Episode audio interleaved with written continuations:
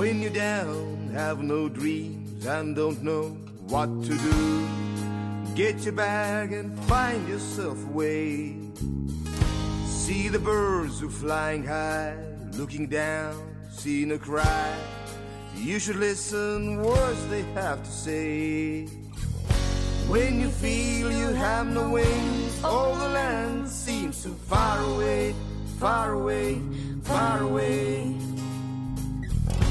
But you always have your dreams. You don't only have to hesitate, don't hesitate, don't hesitate. Martin, tere.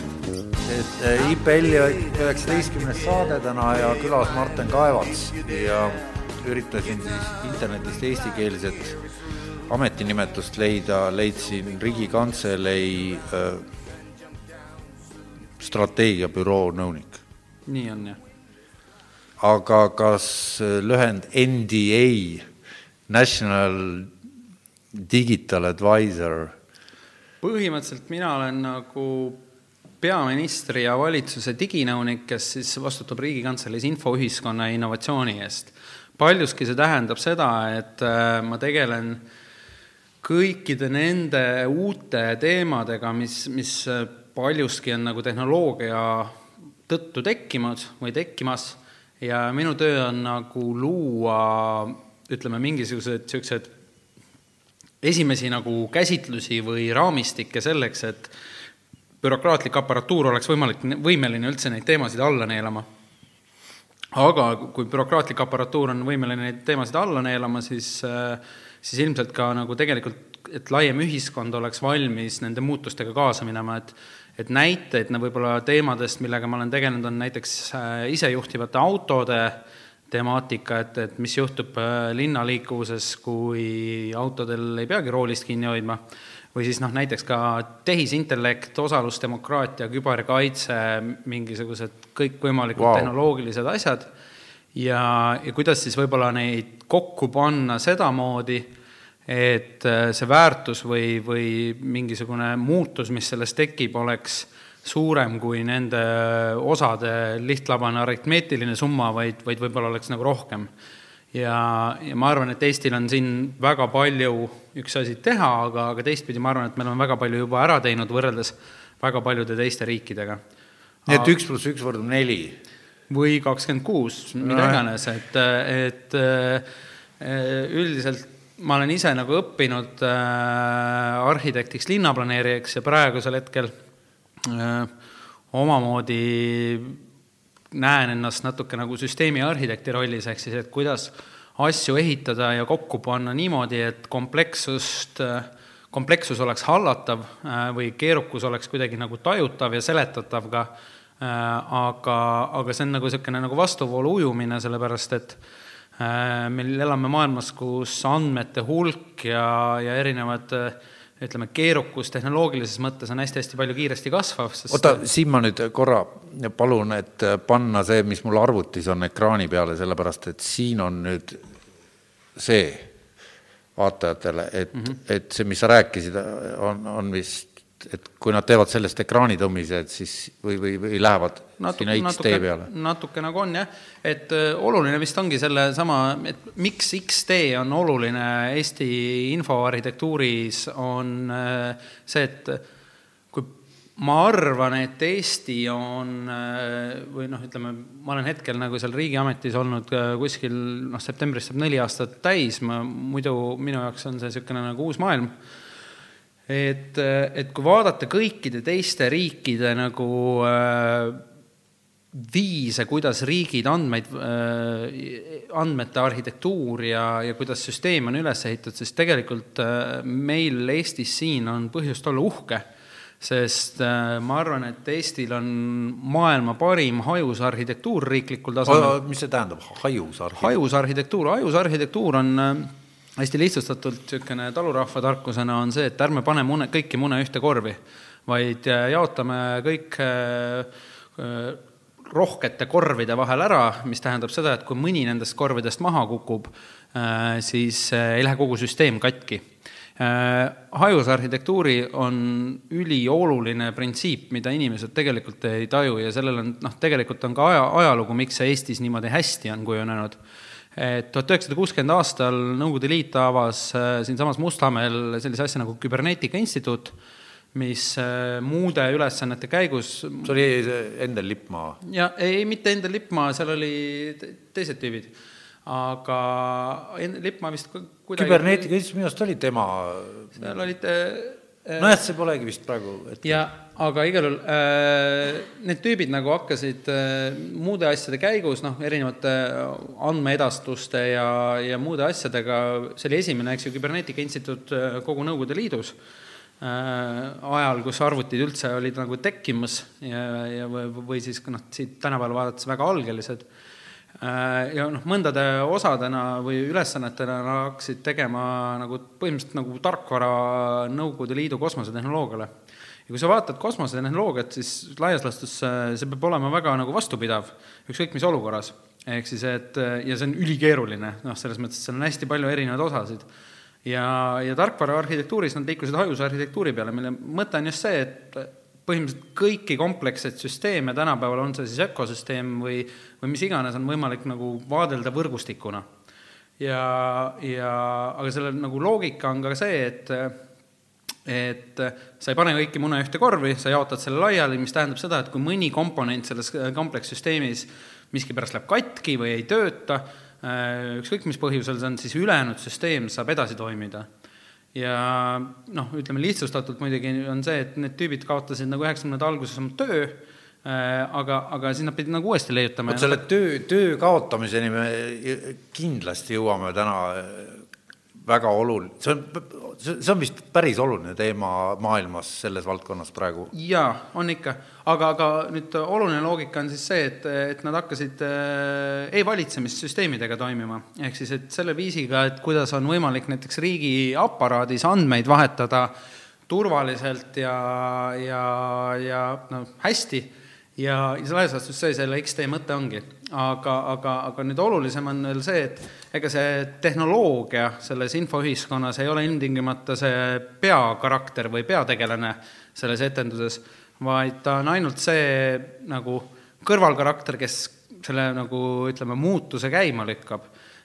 peategelased on ikka, ma arvan, kultuur ja mõtteviis, mis ehitub selle hajusarhitektuuri peale selles osas ma arvan, et Eesti nüüd äh, varsti kakskümmend aastat digiriigi ehitust on, on globaalses mõttes miski, mis on nagu üliväärtuslik, unikaalne. oota, kas see on nüüd see skeem, mis enne arvutist, ma ei saanud sinna pulti, et oli, mis on siin nüüd näha? no siin sul see, konkreetselt sul on mitu väga erinevat skeemi, eks ju, aga põhimõtteliselt kõige peamine skeem, mida me praegu kasutame, on see Äh, mis on hästi lihtne, ütleme, mõte sellest, et X-tee on andmevahetuskiht ja, ja ta vahetab andmeid üle avatud interneti. see on oluline, on seesama niimoodi avatud interneti kasutamine, ehk siis et selleks, et see saaks toimida, meil peab olema teadmine, kuidas nagu infot krüpteerida, kuidas infot liigutada selliselt, et keegi kolmas osapool seda no ütleme, pealt ei kuula. ja juhul, kui isegi kuulab, siis jääb sellest jälg maha, mis Oota. tähendab seda, et. Me saame liigutada infot erinevate osapoolte vahel niimoodi, et see on turvaliselt liikuv. no see on olnud, eh, nii palju kui minu väike aju seda võtab, nii, nii, niimoodi, et minul on võti, mis krüpteerib ära ja sinul on võti, mis krüpteerib lahti ja see, mis vahepeal liigub, on müra. et keegi kõrvalt häkib sisse, siis ta näeb müra. põhimõtteliselt küll, jah. on nii, et? jah ja üks teine asi, mis selle nagu X-tee, ütleme, niisuguseks geniaalseks teeb on, äh, on see, mida inglise keeles kutsutakse once only policy, eesti keeles on see andmete ühekordse pärimise nagu niisugune policy, äh, mis sisuliselt tähendab seda, et kui sa oled riigile mingeid andmeid andnud, siis riik ei tohiks seda kunagi uuesti küsida, sest ta niikuinii teab seda oota, meil hiljuti oli ju igavene jama, ma ei mäleta, mis selle ja. tähekombinatsioon nüüd, kuidas see oli, mis A vastu võeti, et, et vältida seda andmelekkeid. aga, aga olgugi, et see ei ole veel nagu ilmtingimata nagu lõpuni rakendunud, mis tähendab, et ilmselt me oma eludes ikka puutume kokku, kuidas äh, üks ja teine ametiasutus küsib uuesti su nime üle ja, ja aadressi ja kuupäeva, sünnipäeva ja nii edasi. Äh, aga seal on ka selline nagu küberkaitseline vaatenurk, ehk siis, et jällegi seesama loogika, ärme pane kõiki mune ühte korvi, äh, ehk siis loogika sellest, et näiteks äh, autoregister Eestis ilmtingimata ei tea, Toomas, sinu nime, ei tea ilmtingimata sinu sünnipäeva. teab ju. oota, oota, ega ka ei tea aadressi, vaid siis, kui sina sisse logid selleks, et näiteks oma autojuhiluba uuendada või midagi muud teha, siis ta tegelikult teeb päringu rahvastikuregistrile ja rahvastikuregister teab sinu nime. okei okay,, teeme nüüd niisuguse asja, et, et, et, et seal video all nurgas on vabriku seminari logo ja, ja siis seal on äh, noh, kui inimene vaatab Youtube'ist meid mm. ja seal on niisugune asi nagu subscribe või telli ja, ja, ja nüüd on äh, ekraani peale ilmub äh, selline klipp, et kuidas tellida. nüüd, kui inimene tellib selle, noh, selle subscribe ib nii-öelda selle äh, kanali peale, et ta mm, -hmm. ta saab iga kord teate, et, et, et ma teen seda saadet mm, -hmm. siis nüüd need andmed, kui ta subscribe ib, kas need, need on siis krüpteeritud? No antud hetkel, kui sa seda Youtube'is teed, siis need andmed on äh, USA korporatsiooni kasutusel, ehk siis et äh, antud hetkel ei ole nii et see, äh, et see, aga... mis Facebooki ja, ja Google'i ümber toimub, see, seal on ikka tõepõhi all, et, et me, et, et nad teavad sisuliselt kõike, mis ma teen. ei no Google teab äh, seda, kas naisterahvas on rasedaks jäänud ennem seda, kui see naisterahvas ise teab. ja Kuda, lihtsalt selle järgi, et äh, kui inimesel on mingisugune regulaarne käitumismuster ja kui ta hakkab sealt kõrvalekaldeid tegema, siis selle järgi on äh, vastavalt varasematele kogemustele väga lihtne prognoosida igasuguseid asju. Äh, tehisintellekti maailmast näiteks, äh, kuidas algoritmid on võimelised erinevaid asju hindama, on üks naljakas niisugune eetilise dilemmaga case, kus Spotify, eks, saad kuulata muusikat. no meid saab ka Spotify'st kuulata et äh, kui sa nagu äh, Spotify's hommikul ärkad ja paned nagu Leonard Coheni peale, miskipärast on niisugune tuju, eks ju, siis äh, Spotify hakkas vastavalt muusika kuulamise järgi profileerima inimeste emotsionaalset seisundit, ehk siis et see näide on nagu Leonard Coheniga, aga noh, tõenäoliselt seal on muid asju ka, et kui sa peaksid Cohenit kuulama, siis järelikult oled sa depressioonis ja järelikult on võimalik sulle matusautot kaht... pakkuda. mitte matusautot, aga kahtlaseid aktsiaid ja ta müüs neid andmeid et kes parasjagu on siis emotsionaalses mõõnaseisus. et müüme sitta aktsiat? Äh, müüme sitta aktsiaid või mingisugused äh, veidrad krüptorahaskeeme, mis on kahtlemata kahtlased, aga üliedukalt selles mõttes, et inimesed, kes olid emotsionaalselt nõrgas seisus, tõepoolest nagu ostsid ka neid. Äh, ehk siis, et noh, sellised ärimudeleid on praegu ka täiesti olemas noh, eetilisus on selle kõige juures nagu Oota, veel lisaküsimus, aga ma küsiks siia vahele, ma vaatasin ühte klippi hiljuti, et ma ei hakka seda siin praegu inimestele peale panema, ma lühidalt kirjeldan, et kutt võttis kaks Mobla burnerit nii-öelda, noh, tühja, ilma SIM-kaardita, mis ei olnud ühendatud ühegi võrguga, internetiga mm, -hmm. 4G-ga ega, ega ühegi ruuteriga. kõndis mingi viisteist miili mööda Londonit ja, ja siis ühendas nad, tal oli niisugune kohver, kus oli ruuter, ühendas need telefonid võrku ja siis eh, nii-öelda dekrüpteeris selle info, mida need telefonid ise ilma temalt küsimata, midagi ütlemata, saatsid nii Google'ile kui Facebookile tema kohta. ja, ja, ja siis tal oli sekundi täpsusega oli näha, kus ta käis sel ajal, kui tal ei olnud need telefonid üleüldse kuskil kellegiga, millegiga ühendatud. et mida see meile ütleb? Ehm, põhimõtteliselt see ütleb seda, et äh, täielik anonüümsus ei ole tänapäeval enam mitte kunagi võimalik. Et äh, sul ei ole võimalik endast mitte mingisugust andmejälgi jätta, isegi kui sa oled nagu valinud, et sa lähed metsa elama ja elad täiesti, toodad ise oma toidud ja kõik sada protsenti, siis mingisugune andmejälg on ikka. oluline selle kõige juures on nagu väärtuspõhine küsimus, ehk siis et äh, praegu globaalses andmemajanduses ja üldse niisugustes, ütleme, digivalitsemise arengutes äh, laias laastus domineerib kaks mudelit üks on Hiina mudel, äh, mis siis sisuliselt tähendab, et suur vend äh, Orwelli tuhat üheksasada kaheksakümmend neli tüüpi maailm on juba laivis, Hiina, kus on tsentraliseeritud infosüsteemid juba nagu jõus. sa räägid neist näotuvastusprogrammiga Näiteks, indeks, sotsiaalsest indeksist no või? üks on see Citizen Score, kus sa saad punkte, aga see algab kõik jah, tõesti näotuvastusest, see on nagu, mis oli kaks aastat tagasi, kus nad piloteerisid äh, üks BBC reporter käis mööda suvalist Hiina linna, kõigepealt läks sinna mingisse andmete nii-öelda war room'i või keskkontrollruumi, kus siis äh, tehti temast pilt, siis ta võttis takso täiesti iseseisvalt, sõitis täiesti suvalisse asukohta ja Hiina politseil kaamerate, noh, sellel hetkel, kui ta oli siis selles lõpp-punktis, siis äh, keskjaamast pandi nagu punane lipuke külge, et no vaata, see kutt on vaja kätte saada. Äh, selleks, et äh, kätte saada, siis see tüüp võttis Hiina politseil kuskil kuus minutit aega järgmisel nädalal oli seal niisugune case, kus oli vaja kuskil kuuekümne tuhandelisest mingi rokk-kontserdi seltskonnast leida üks siis kurjategija ülesse Äh, ja see võttis Hiina politseil kuskil kaheksateist minutit aega. et tänapäeval on nagu see, et siis, kui sa seal Hiinas kõnnid ja kohalik elanik oled, et äh, lähed kusagil vales kohas üle tee, viskad prügi maha või midagi muud ebakõlbelist teed, äh, siis seesama video selle kohta saadetakse kõikide su sugulastele ja lähituttavatele. Ja muuhulgas tõepoolest võetakse sinu siis sellelt no nii-öelda citizen score'ilt võetakse punkte maha, mis tähendab, et see aasta, kui oli Hiina uus aasta ja see on siis Hiinas kõige suurem liikumise aeg, kus kõik lähevad oma peredele külla, äh, minu meelest see aasta oli vist kuni kolm miljonit inimest, kellel lihtsalt ei lubatud kiirrongipiletit osta selle tõttu, et nad umbes ei olnud oma mingeid makse ära maksnud, olid kusagil prügi maha visanud ja muid asju teinud, ei olnud piisavalt kõlbelised, et äh, et siis seda kiirrongipiletit osta. Et see on nüüd tõepoolest üks väga kahtlane, kahtlane värk, aga, aga põhimõtteliselt Suur vend, see, mis erinevates ulmefilmides on erinevat moodi kirjeldatud, on tegelikult juba praegu laivis Hiinas. no aga sa räägid oma... Hiinas, mis sa nüüd väidad tõsimeeli, et siis USA-s põle või? ei. äh, Londonis CCTV kaamerad. absoluutselt, absoluutselt. selle probleem ongi see, et praegu maailmas kaks domineerivat mudelit, üks on Hiina mudel ja teine on USA mudel, mis on siis niisugune korporatiivkontrolliga andmemudel see on siis Facebookid ja Google'id, millest natuke sai juba räägitud, kus siis tõepoolest, et Google, Google teab ennem, ennem kui naisterahvas rase on ise, ise seda ja, ja, ja kõike muud ka ei no Zuckerberg äh, ütles ju kellegi või keegi tema töötajatest ütles, et ära käi siis nendes kohtades, et kui pärast jama on.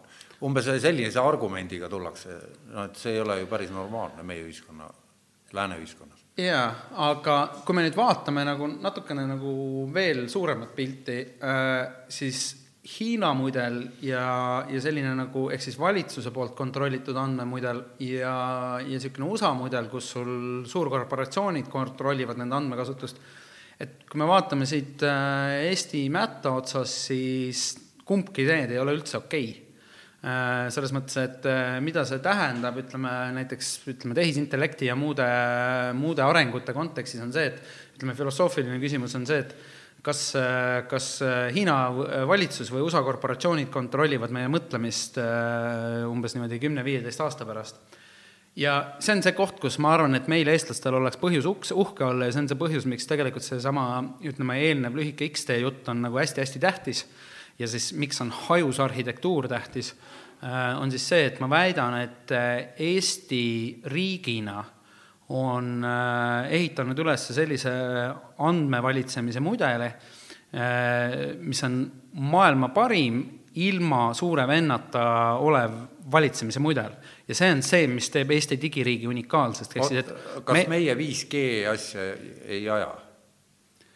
5G on, ei puutu asjasse antud hetkel, kindlasti puutub või tähendab, kindlasti 5G äh, on lihtsalt üks andmevahetusprotokoll. või, aga või... Noh. kõrge sagedus, mille peal ta töötab, väidetavalt pidi olema ajuga üsna samal sagedusel, et seal võib hakata juhtuma see, et sul tulevad mõtted ei tea kust enda arust. aa, no selles, selles mõttes äh, mind control ja mind control'ist rääkides on kindlasti on mingisugused niisugused tehnoloogiad nagu neural lace on väga huvitavad, äh, kus äh, nagu mida, mida siis Elon Musk ajab, kus sa saad endale kiibi aiu panna ja saad oma arvu arvutusvõimut äh, eksponentsiaalselt kasvatada. et seda juttu, et kas nüüd 5G lükkas ümber, et, et, et sellest on netis on päris palju räägi, räägitakse praegu. no üldiselt on tänapäeval on nagu ka see, et äh, ükskõik, mida sa usud, siis sa leiad sellele nagu vastuse. aga ma ei usu äh, midagi, ma tahaks teada. Jah, et, et äh, mina nagu ei ole ka veel näinud nagu et, et mis see 5G sagedused ja, ja ütleme, niisugust nagu kindlat, kindlat väidet. aga jõudes tagasi pointini, on see, et kui meil on USA mudel ja meil on Hiina mudel, need kumbki ei ole okei okay siis ma väidan, et Eesti mudel on miski, mis on globaalses mõttes unikaalne, Äh, mis tähendab seda, et kui me tahame ehitada üldse sellist äh, ühiskonda, kus inimesel oleks mingisugune valikuvõimalus, siis ma väidan, et Eesti valitsemismudel selles nagu maailmas on nagu praegusel hetkel nagu parim. Äh, ehk siis, et me oleme ainuke riik maailmas, kes saab öelda, et me ise omame enda andmeid ja kont-, umbes vist see on järgmisel aastal, meil tuleb riigi poolt üks piloot Äh, kus me saame hakata kontrollima ka enda andmete kasutust. see küll hetkel ei, tõesti ei mõjuta nagu ütleme, Facebooki ja Google'i poolt äh, kogutavad, kogutavaid andmeid, aga kõik muud andmed, noh, nagu terviseandmed või rahvastikuregistri andmed, kõik need, mis riigil on olemas, et see ütleme, valitsemise printsiibid ja põhimõtted on miski, mis on tegelikult meil väga targasti üles ehitatud. ja siin kohapeal on kindlasti, on seesama äh, kõik need äh, äh, insenerid ja, ja, ja arvutimehed, kes siis üheksakümnendate lõpus ja kahe tuhandete alguses X-teed ehitasid, on, on tegelikult äh, teinud nii palju tarku otsuseid. oota, kas see oli, see alguses oli ta nimi Tiigrihüpe, kas? ei, need on nüüd erinevad asjad, tiigri, tiig, tiigrihüpe oli üheksakümnendate keskel äh, selline programm, mis siis äh, millel oli lihtsustatult kaks eesmärki, üks oli siis äh, see, et äh, kaablid, ehk siis et sul internet saaks äh, raamatukokku ja kooli, ütleme, avalikesse hoonetesse, üks oli siis see niimoodi, et sul kaabel kohale vedada ja teine pool oli siis hariduse pool. Tiigrihüpe oli selles mõttes tõepoolest hästi tähtis asi, et, et just nimelt see nagu hariduse pool, ehk siis et õpetada inimesi mitte kartma tehnoloogiat ja, ja õpetada neid nagu kasutama arvuteid see on nagu sisuliselt see vundament, et kui üheksakümnendate keskel koolides äh, kõik need arvutiklassid ja internet tekkis, siis noh, tegelikult selle, sellest ajast sinna sattus kindlasti, ütleme, kui praegu kuulata erinevate mis iganes edukate ettevõtjate lugusid, kes tehnoloogia vallas töötavad, siis noh, väga paljuski kõik need lood algavad kas Akadeemia del Kybernetica Instituudi kandist või siis, või siis üheksakümnendate alguses kusagilt kooli arvutiklassidest või arvutiringidest, kus siis kõik tüübid nagu üritasid aru saada, kuidas see masin töötab. oota, aga ja... ütle, ütle siis siia vahele selline asi, kas sa tead, mis asi on EBRD Knowledge Economy Index? Me oleme väidetavalt number üks, Eesti on number üks selles indeksis. ma ei tea, mis EBRD tähendab. no see on see, mis ta, see on see pangavärk, noh, EBRD, noh. et äh... see on kohe, see on nüüd küll piinlik, et me praegu, ma löön selle Google'isse, et see on uh, European Bank of Reconstruction and Development mm, -hmm. Euroopa Rekonstruktsiooni Arengupank on EBRD mm. -hmm. Aga... Knowledge Economy ei. Index, Eesti no number jaa, üks. Eestis, Eesti on väga paljudes indeksites, kusjuures äh, üsna heal kohal. et äh, üks teine näiteks on Eestis praegu hetkel on me võime siin väga palju erinevates kohtades kiruda, et kui palju bürokraatiat meil avalikus sektoris on ja kui palju raha raiskamist neil on, aga globaalses mõttes meil on nagu kõige efektiivsem avalik sektor per capita, äh, mis on nagu maailmas, maailmas.. et, äh, et äh, põhimõtteliselt suuresti on see kõik tänu sellele sama X-teele, sellele andmevahetusele, noh näiteks eelmisel aastal, kui võtta äh, X-tee säästis eelmisel aastal kaks tuhat nelisada seitse tööaastat, et kui me võtame ühe riigiametniku tööle, kes siis ei käi puhkamas nädalavahetusel, ei ole kodus, ei maga, ei tee suitsupause ja töötab kaks tuhat nelisada seitse aastat jutti, siis täpselt nii palju me aega me säästsime eelmine aasta X-tee arvel. aga kuidas, kuidas, sa tead seda? Äh, põhimõtteliselt see on nagu niimoodi mõõdetud, et kui sa võtad viis protsenti äh, neid päringuid, mis üle X-tee lähevad ja tavaliselt sellega seotud on see, et see oli kakssada seitsekümmend kolm miljonit neid on hästi palju, jah. ma lugesin neid numbreid. selle, selle point on peamiselt see, et eh, kui vanakooli ühiskonnas, paberipõhises ühiskonnas äh, sa pidid võtma mingi dokumendi ja viima kuhugile selleks, et neid andmeid no, vahetada, siis äh, X-tee tõttu sa seda tegema ei pea. ja, ja, ja see on, ma arvan, see suurim nagu säästmine, mis meil tegelikult tekib, on see, et mitte, mitte nagu läbi vidinate või mingisuguse edevuse, vaid pigem nagu läbi selle, et meil jääb lihtsalt aega üle tegeleda mõistlikumate asjadega. kuule, aga selles kontekstis nüüd sobiks oma pealkirja seda intrigeerivat pärastlõunat õigustada, et, et mis siia nüüd sobitub see legaalsuse või tähendab, tehisintellekti legaliseeri-, kohtusüsteemi eh, paigutamine, et, et virt-, et kaugel me sellega asjaga oleme, et kuskil sa ütlesid niisugust asja, et, et, et see on plaanis, aga veel, et, et ta ongi ikkagi potentsiaalselt nagu, ta, ta, teda veel ei tehta reaalselt.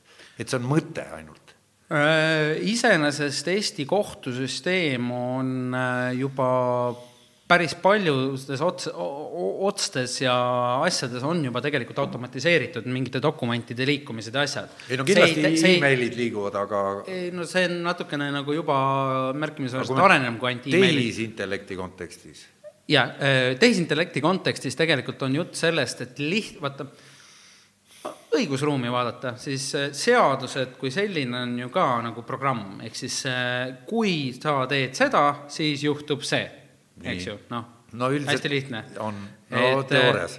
et mis äh, robotkohtuniku kontekstis tegelikult mõeldud ongi, on et hästi paljude niisuguste lihtsamate case'ide, äh, kus sul ei ole nagu tohutut kaalutlust ja värki, noh, parkimistrahv näiteks, või mingisuguse muu väiksed asjad, mis praegusel hetkel moodustavad nagu kohtutööst hästi suure mahu, siis selle robotkohtuniku nagu põhieesmärk ongi nagu Äh, lihtsamat tüüpi standard case'id automatiseerida, mis tegelikult moodustavad kohtupraktikast päris suure osa. ja kuidas see vaidlustamine? Äh, vaidlustamine on ka see, et, et äh, põhimõtteliselt alati sul on võimalik vaidlustada ja sulle antakse teada seda, et et see otsus on siis nagu automatise-, automaatselt tehtud või noh, robotkohtuniku abil, ja sa saad alati vaidlustada, aga üldjuhul lihtsamate case'ide puhul see on nagu tegelikult noh, on lihtne nagu, et see, see ei ole nagu nii keeruline. siin on nagu ilmselge valik on tehtud ära, et vandekohus ei tule kõne allagi.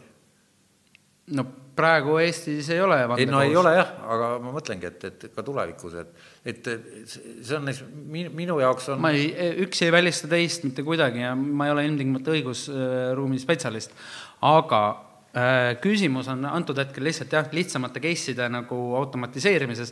praegusel hetkel noh, ütleme, mis see tähendab, on see, et praegusel hetkel on, ütleme, lihtsamad kohtu case'id on äh, circa ütleme näiteks äh, kahekümne viie protsendi ulatuses juba automatiseeritud, see tähendab seda, et kuidas need dokumendid liiguvad ja toimiku info liigub. see, mida me robotkohtuniku raames räägime, et võib-olla me suudame selle automatiseerituse taseme viia näiteks kahekümne viielt näiteks kaheksakümnele protsendile. aga kas see kujutab ka endast umbes sellist asja, et kahe poole advokaadid äh, lähevad kokkuleppemenetlusele läbi robotite? kui nad tahavad, aga see, kui kahe poole advokaadid lähevad, see pole enam riigi asi, see on nagu Advokaadid nende advokaatide endade vahe. kui, kui advokaatidel on endal kratid abis, kes siis äh, teevad seda tööd nende poolt, siis jumala eest, aga see ei ole ilmtingimata nüüd riigi asi riigi asi on äh, luua see selline nagu keskkond või digitaalne prokuratuur. no ütleme, kuni mingi piirini lihtsamates case ides ma arvan, et see on tehtav, jah aga, aga ainult nagu lihtsamates case ides, mitte nagu keerukam. no siin me jõuame jälle selle, selleni, et kes see otsustab, et on lihtne case? no üks viis selle otsustamiseks on näiteks tekitava kahju hulk et ma ei tea, mõtlen praegu suvalise numbri, aga näiteks, et kui see on nagu alla kümne tuhande euro, äh, siis äh, aga noh, see jälle muidugi oleneb case'ist, eks ju, et kui on lihtne mingisugune võla või äh, või ma ei tea, trahvivaidlus, siis ma usun, et need asjad on nagu ütleme, tavapärasemad no, kui, või, või liikluskindlustusvaidlused. no perevägivalda me ju rahas ei mõõda ei, aga me ei räägi ka, mina ei räägi ka praegu üldse, perevägivald on keerukam case. ma, ma üldse seda, seda, just... neid kahte ei paneks nagu üldse ei, aga mina, mina võrdlen et... sellepärast, et ta on kõige levinum praegu, vähemalt selles, millest aga räägitakse. me ei räägi, me ei räägi tehisintellektist perevägivalla või, või mingisuguse, ma ei tea, mõrva või mingisuguse me siis ikka räägime konkreetselt ikka rahas mõõdetavatest niisugustest rikkumistest, millele ja lihtsamatest hal-, haldusõigusrikkumistest, hästi ja, lihtsatest asjadest. mille tulemus on trahv aga, aga siis, siis, siis äh, oligi juttu autodest ja, ja niimoodi, et ma saan nii aru, kas ma, küsimus ongi, et kas ma saan õieti aru, et Tesla juhib praegu pikalt äh, ja selles isesõitvate autode maailmas ja, ja neil on äh, software'i põhine või, või siis see te, tehisintellekt, mis autot juhib, on, on soft'i põhine ja siis Cadillacil näiteks on kaamerapõhine ja siis nad omavahel kuidagi seal võistlevad et, et mingi seitse kaamerat jälgib, ühed jälgivad teed, teised jälgivad juhti ja see juht, kui ta kuus sekundit ei ole teed vaadanud, siis jääb auto seisma, et on mingid sellised tehnoloogiad versus siis mingid teistsugused tehnoloogiad, et seal on ka mingid kaks niisugust omavahel äh, ütleme, päris nii ei ole. aga vot siis räägime. kõik need tehnoloogiad on algoritmipõhised ja kõikidel on neil sensorid ka. aga selles osas noh, ütleme natukene nagu on ka nii, nagu sa ütled, äh, et Tesla tõepoolest on päris heas seisus. Äh, kõigepealt, kuidas isejuhtiv auto sõidab? Äh, jah, igal isejuhtival autol on hunnik sensorid, äh, see, kus Tesla nüüd eristub kõikidest teistest autotootjast, on see, et na, ta on kaamerapõhine. ehk siis ta tema ah, Tesla peamine, on kaamerapõhine? jah, peamine sensor on tavaline kaamera, noh, tihe ja high definition nii-öelda aga, aga teistel, Teslal on lisaks kaamerale Lai-, Leidar on mingi asi. Lidar. Lidar äh, on see eesti keeles. üldiselt on sensorite komplektis on äh, kaamera, on kõigil äh,, radar on ka üldiselt kõigil, ehk siis äh, äh, nagu see Äh, paganama noh, radar, eks ju. ja, ja äh, osadel on ka sonar, ehk siis helipeegeldusega leiab ja siis on lidar. lidar on nüüd samasugune asi nagu sonar ja radar, aga ainult valgusega, ehk siis äh, ta saadab niisuguseid laserkiiri kaugusesse ja sealt peegeldub laserkiir tagasi ja ta on võimeline ütlema, et noh, millimeetri kaugusel, kui kaugel sul see pastakas on või mobiiltelefon või mis iganes aga äh, need on nüüd sensorid ja need on ühel või teisel viisil kõikidel isejuhtivatel autodel peal. see, millest Tesla eristub, on see, et ta kasutab ainult, tema peamine või primaarne sensor on kaamera ehk siis visuaalne. ja äh, peamine koht, kus ta eristub, on see, et tal on juba aastal kaks tuhat kuusteist aastast kõikidel toodetud Tesladel on olemas see sensorite pakett. Ehk siis, et kui sa sõidad Teslaga, siis sa, sul on niisugune asi nagu ghost mode peal, mis tähendab seda, et isegi kui sa ise roolid, siis äh, sul see arvuti alati arvetab, arvestab, et kuidas äh, oleks arvuti ise sõitnud, ehk siis ta Nii, nagu mängib seda mängu.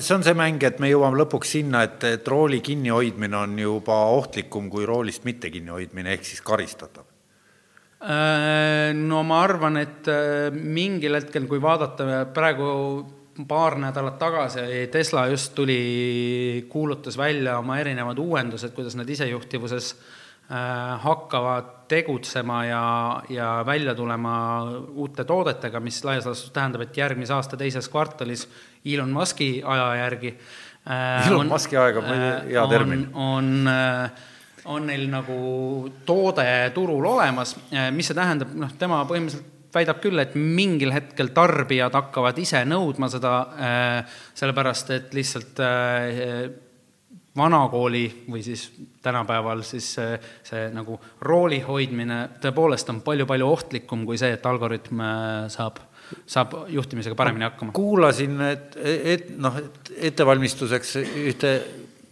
meest nimega Lex Friedman, kes on MIT-s, tegeleb selle autode isejuhti, isejuhtivate autode temaatikaga ja ja siis ta rääkis sellist juttu, et, et on need sada protsenti isesõitvad autod, kus rooli polegi, ja siis on see tehnoloogia, kus on juht ikkagi ka. ja et praegu ei ole veel päris selge, et, et kumb peale jääb või kumb on ohutum, et, et, et see ei olegi nii üheselt ah,. seda ma ei usu, see on, ma arvan, et see on ainult aja küsimus, millal inimesed välja automatiseeritakse sellest tööst. et äh, selles ma küll ei ole kindel, et, et see niisugune niisugune vahepealne variant jääb nagu tegelikult domineerima. Äh, ma arvan, et praeguseks hetkeks on juba neid empiirilisi tõendeid juba piisavalt palju. Äh, praegusel hetkel vist Tesla algoritm on kuskil vist kakskümmend korda turvalisem kui inimjuht äh, no,. sest tema tõenäosus viga või õnnetust teha on nagu väiksem. aga samas on äh, tehtud mingeid katseid, kus on petetud see auto ära sellega, et jalakäija on ja. pandud mingi see kamuflaaž on tal seljas või mingi asi, et auto ei näe teda ja paneb saja kahekümnega talle otsa ja kes siis süüdi jääb, no seal tekivad jälle puht juriidilised küsimused. aga et see on võimalik ja, ja on võimalik ikka ja, ja kogu see küberkaitse valdkond isejuhtivate äh, temaatika. kuidas need üldse seotud on, küberkaitse ja isejuhtivad autod?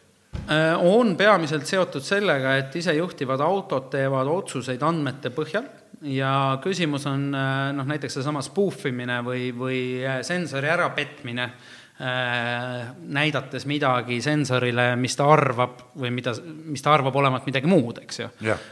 et, et, et noh, sa saad neid ära petta loomulikult praegusel hetkel, aga teistpidi on nagu see, et et selle nii-öelda küberkaitse poolega, ehk siis laias laastus, mida, millega küberkaitse pool üritab tegeleda, on tagada andmeterviklust ja lihtsustatult see, et andmed oleksid õiged.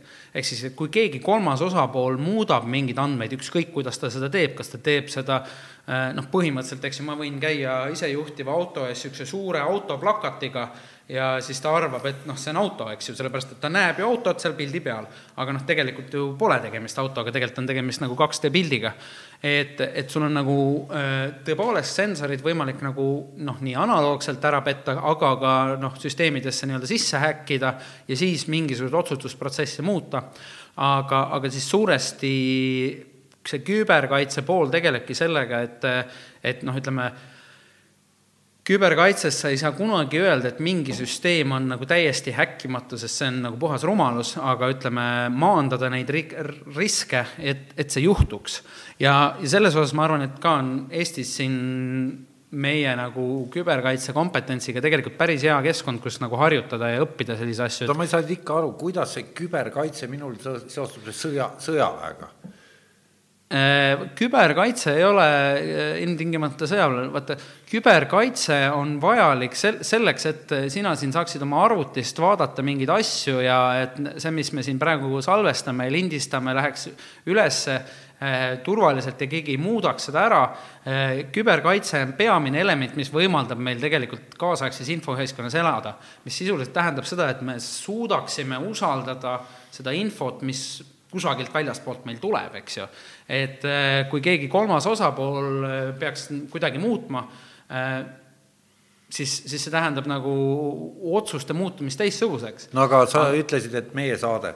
mul juhtus niisugune asi, et oli saatekülaline kunstnik, lasi ühte videot ja siis selgus nädal hiljem, et see video on maha võetud, maha on võtnud selle mingi Youtube'i robot kes avastas sealt mingi autorikaitse teema, et see mm -hmm. tuli maha võtta, see sealt mustaks teha, uuesti üles laadida mm. -hmm. nüüd, kui nii robotid teevad niisuguseid asju, mis, mismoodi garanteeritakse see, et see robot ei hakka ükskõik mida tegema ja maha võtma ja üles panema ise, et, et, et, et kes seda küberkait- või kuidas see kontroll noh, no ma arvan, et see on kõige rohkem on selles niisuguses nagu ütleme, eetika ja õigusruumi küsimus, ehk siis et äh, see, missuguseid ütleme, reegleid me õiguslikult kehtestame, et mis, mis on okei okay ja mis ei ole okei okay,. no jaa, aga kui see et... robot, keegi ju valvab seal, noh, kes kontrollib robotit?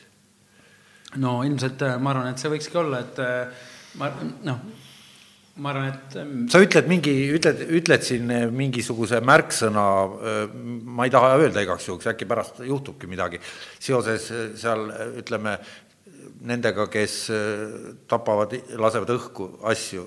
Ja, ja, ja see märksõna, sellest piisab, et kogu saade ütleme, maha võtta, et, et, et, et see, see tekitab mingisuguse teatud verbaalse tsensuuri no ütleme, ma arvan, et Eestis veel või noh, okei okay,, nii hull veel ei ole, eks ju, et, et kui ütled nagu pomm ja Venemaa agent ühes lauses, et siis on kohe punane lipuke püsti ja paned mingeid nimesid sinna sisse ja, ja, ja. aga, aga põhimõtteliselt jah, noh, ütleme, mõttes arvestame seda, et andmete hulk on nagu eksponentsiaalselt kasvav, on tohutu palju, on erinevat content'i, materjali, eks ole, ehk siis, et sul ükski inimene ei suuda seda kunagi nagu läbi vaadata. no ei suudagi. ja, ja aga noh, mingisuguseid niisuguseid automatiseeritud äh, kontrollimehhanisme on küll, aga ma arvan, et peamine asi on nagu eriti veel niisuguse nagu noh, meil on praegu on niisugune nagu fake news'i ajastu, eks ju, et äh, tegelikult äh, on ikkagi see, et noh, põhimõtteliselt sa ei saa mitte midagi usaldada. no ma saan panna sinu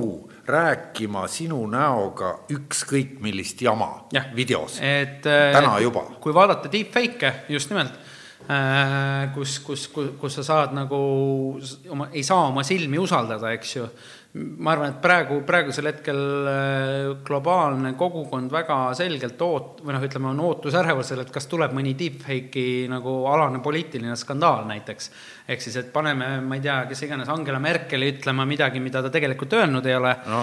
ja, ja, ja selle tõttu tekivad mingisugused rahutused või mis iganes muud asjad. aga see on ju, see, see on täna võimalik, seda ja, ja, iga matš teha. see on äh, kaks tuhat seitseteist aasta novembrist on deepfake'i kood olemas ja sinu samasest läpakas võimeline, kui sa tõmbad näiteks ma ei tea, piisavalt palju pilte mõnest poliitikust äh, omale andmebaasi, on võimalik äh, panna poliitik ütlema noh, mida iganes. sa oled näinud seda Obama videot, kus ta ja, räägib mingit, ma ei mäleta, mida, no täielikku jama. et hästi palju on ka Nicolas Cage'ist on tehtud niisuguseid deepfake'e ja siis on niisugustest pornofilme ja kuulsatest jah, naisnäitlejatest, aga porno on nagu selles mõttes nagu Äh, hea niisugune tehnoloogia valideerimise koht, ehk siis, et kui äh, tehnoloogial ei ole pornotööstuses turgu, arvestame seda, et äh, praegusel hetkel on rohkem kui pool kogu veebimahust, andmetest, mis üle liigu, üle, üle õhu liiguvad, on tegelikult porno.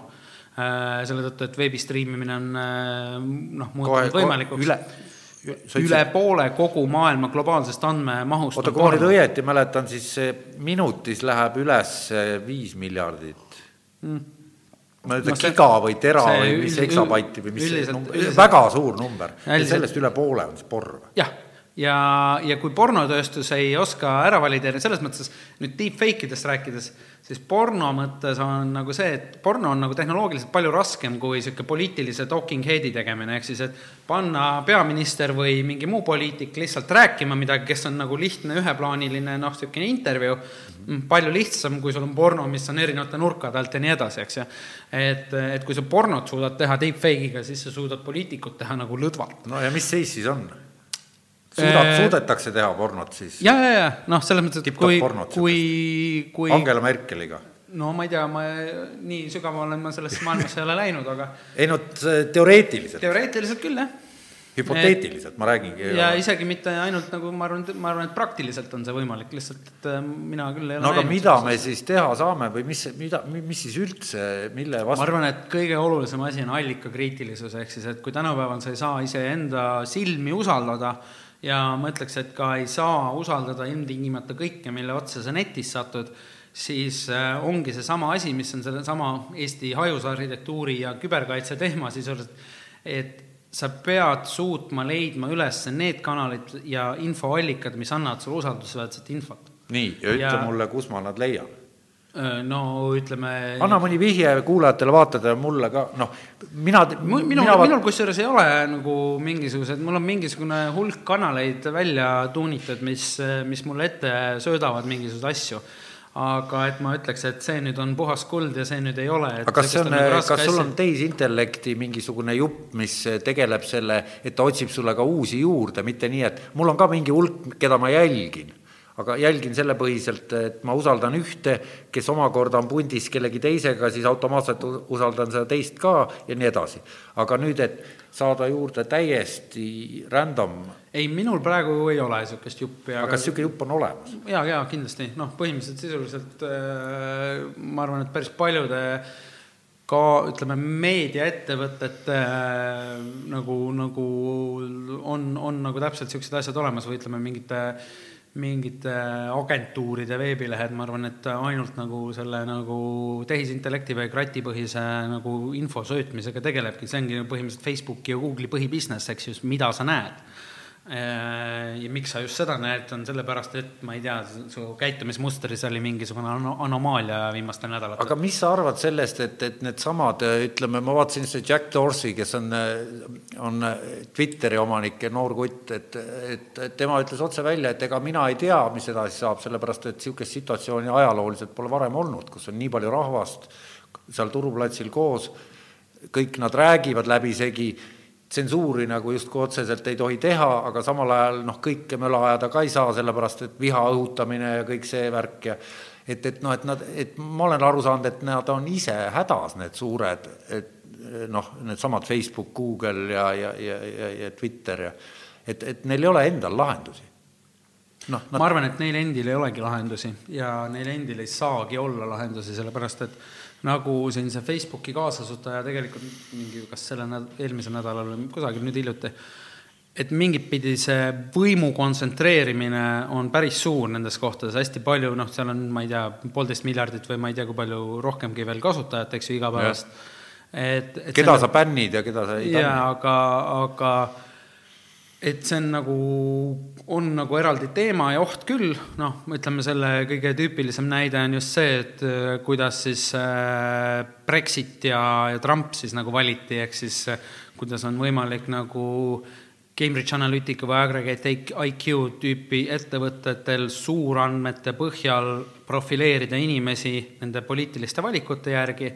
Ja siis äh, müüa ja pakkuda neile täpselt seda materjali, mis sellele konkreetsele karakterile sobib, ehk siis noh, laias laastus mõjutada demokraatlikku protsessi väga fundamentaalsetel tasanditel. Äh, et ma arvan, et neid ohumärke on siin päris palju, ma arvan, et need suured ettevõtted ise ei saagi teha, et see on see koht, kus tegelikult riiklik regulatsioon peaks nagu sekkuma. No aga noh, sa oled ilmselt näinud neid, kuidas kongress Zuckerbergi, Zuckerbergi üle kuula, kuulas kui, kui need skandaalid olid, need, needsamad, millest sa just rääkisid, et et, et, et ega noh, mis temaga oskab öelda tarka? ei no tema ärimudel on nagu selle peale üles ehitatud, temal mida rohkem jauratakse, seda rohkem raha ta saab, hästi lihtne. et äh, aga ta selles mõttes nagu selgelt saab ka aru äh,, nagu ta ka, mis see on, mingi poolteist kuud või kaks kuud tagasi kõikidele äh, niisugune avalik kiri kõikidele riigipeadele, mis, mis ta nagu ütles, ongi see, et ei, kuulge, reguleerige meid ära. selles mõttes, et, et ta nagu väga selgelt saab aru, et see tema nagu ütleme, liigub juba sellesse domeeni, mis hakkab mõjutama ütleme, demokraatlikku valikuvabadust ja nii edasi. maailma muut-, ta ja. juba muudab, mitte ei, ei hakka. no ta on juba muutnud. ja on juba aga, muutnud. aga, aga selles mõttes tema see case, et, et on, noh, ta sisuliselt nõudis, et kuulge, et reguleerige meid. pange, pange need reeglid paika. no ja mis olema. sina Eesti esindajana nüüd siis ette võtad? kuidas sa kaitsed meid? Äh, ma arvan, et põhimõtteliselt noh, e-, me Eesti koha pealt nagu Facebookiga nagu midagi, mingit Facebooki muuta, noh, väga raske, selles mõttes, et meil on me nagu selles mõttes ikkagi nagu kärbse sittkaardil ja meil Facebook saab meid muuta. jah, just, et äh, mida me teha saame, on siis läbi Euroopa Liidu äh, ühiselt riikide plokina noh, asju nagu niisugune asi nagu GDPR või, või siis äh, isikuandmemäärus, mis, mis, mis sisuliselt siis eelmisel aastal nagu nii-öelda laivi läks, noh, sellega oli, kui Andrus Ansip Euroopa Liidu digivolinikuna sai, sai Mark Zuckerbergiga kokku, siis Zuckerberg pühalikult tõotas talle, et tema rakendab GDPR-i siis globaalselt, mis siis sisuliselt tähendab seda, et inimestel oleks niisugused asjad nagu the right to be forgotten ja, ja, ja erinevad nagu kontrollimehhanismid. Seda tegelikult juhtunud ei ole, aga ma arvan, et see, mida me Eestina teha saame, on see, et äh, sisuliselt läbi Euroopa Liidi, Liidu mõjutada äh, nagu Facebooki toimimist ja, ja mitte ainult Facebooki, see on nagu üleüldse selliste suurte ettevõtete tegutsemise reegleid. aga siia, siia oleks sobiv küsida seda, et, et, et Elon Musk lõi sellise firma nagu OpenAI, kus nad siis püüavad seda tehisintellekti nii-öelda sellises suunas arendada ja kontrolli all hoida, et ta inimestele mitte kahju ei teeks. ja, ja, ja sealt ilmus välja, kui ma seda asja natuke uurisin, niisugune äh, kombinatsioon nagu GPT kaks või GPT kaks, mis on mingi teksti, teksti ja, toot, tootmise äpp või, või asi, mis siis sisuliselt hakkab otsast inim, inimese moodi teksti tootma niimoodi, et lugeja ei saa aru, et selle teksti on tootnud tehisintellekt. jah ja, ja selle konkreetse case'iga oli see, et äh, OpenAI, kui nad, tavapärane praktika on siis see, et nad selle koodi avalikustavad, nii et kõik osapooled saavad seda ka kasutada, siis selle konkreetse äh, tekstigeneraatori jupi tarkvara nad ei avalikustanud selle tõttu, et nad leidsid, et selle nagu teksti genereerimise võimekus on nii hea, et ja see on no teksti genereerimine inglise keeles. see oli ja. uskumatu. ja, ja, et noh, praegusel hetkel näiteks äh, väga suur osa finantsartiklitest, et ma ei tea, mingi börs, börsiuudised või asjad, hästi paljud siuksed on juba praegu algoritmide poolt ge genereeritud. et aga selle konkreetse teksti generaatoriga põhimõtteliselt selle probleem oli jah selles, et see juba oli nii hea, et, et nad ei avalikustanud selle tõttu, et, et seda võib väga lihtsalt erinevate, ma ei tea, fake news'i kontekstis nagu julgelt kasutada, ehk siis sul ei ole enam trollivabrikut vaja, kes sulle toodab mingisugust teksti, vaid sa saad lihtsalt mingi bot'i panna, eks ju. Ja, ja nad hakkasid praegu nagu, mis neil see lisa nagu uurimustöö tuli selle peale, oli see, et nad hakkasid just uurima, mis on selliste nagu lahenduste nagu mõju nagu laiemalt, sest varem või hiljem jõuavad teised teadlased ka selle samasuguse, ütleme, võimekuseni, kus teksti tootmine no Hiinas on ju uudiseid, Tanel. Tammet lasi siin, samas oli temaga saade, Tanel Tammet on siis tehisintellekti professor Tehnikaülikool, et lasi arvutist videot, kus uudiseid loeb robot, Ja. tehisintellekt loeb uudiseid ja mõtleb neid, ma saan aru, siis ka samal põhimõttel kuidagimoodi välja otsast või, Äh, või toodab? toodab, et äh, see põhimõtteliselt äh, näiteks nagu niisugust tekstipõhiste asjadega juba praegu lihtsamate case'ide puhul on väga paljudes kohtades inglise keeles nii. oota, aga siis ajalehed hakkavad varsti tulema nii, et ilma inimabita üldse või?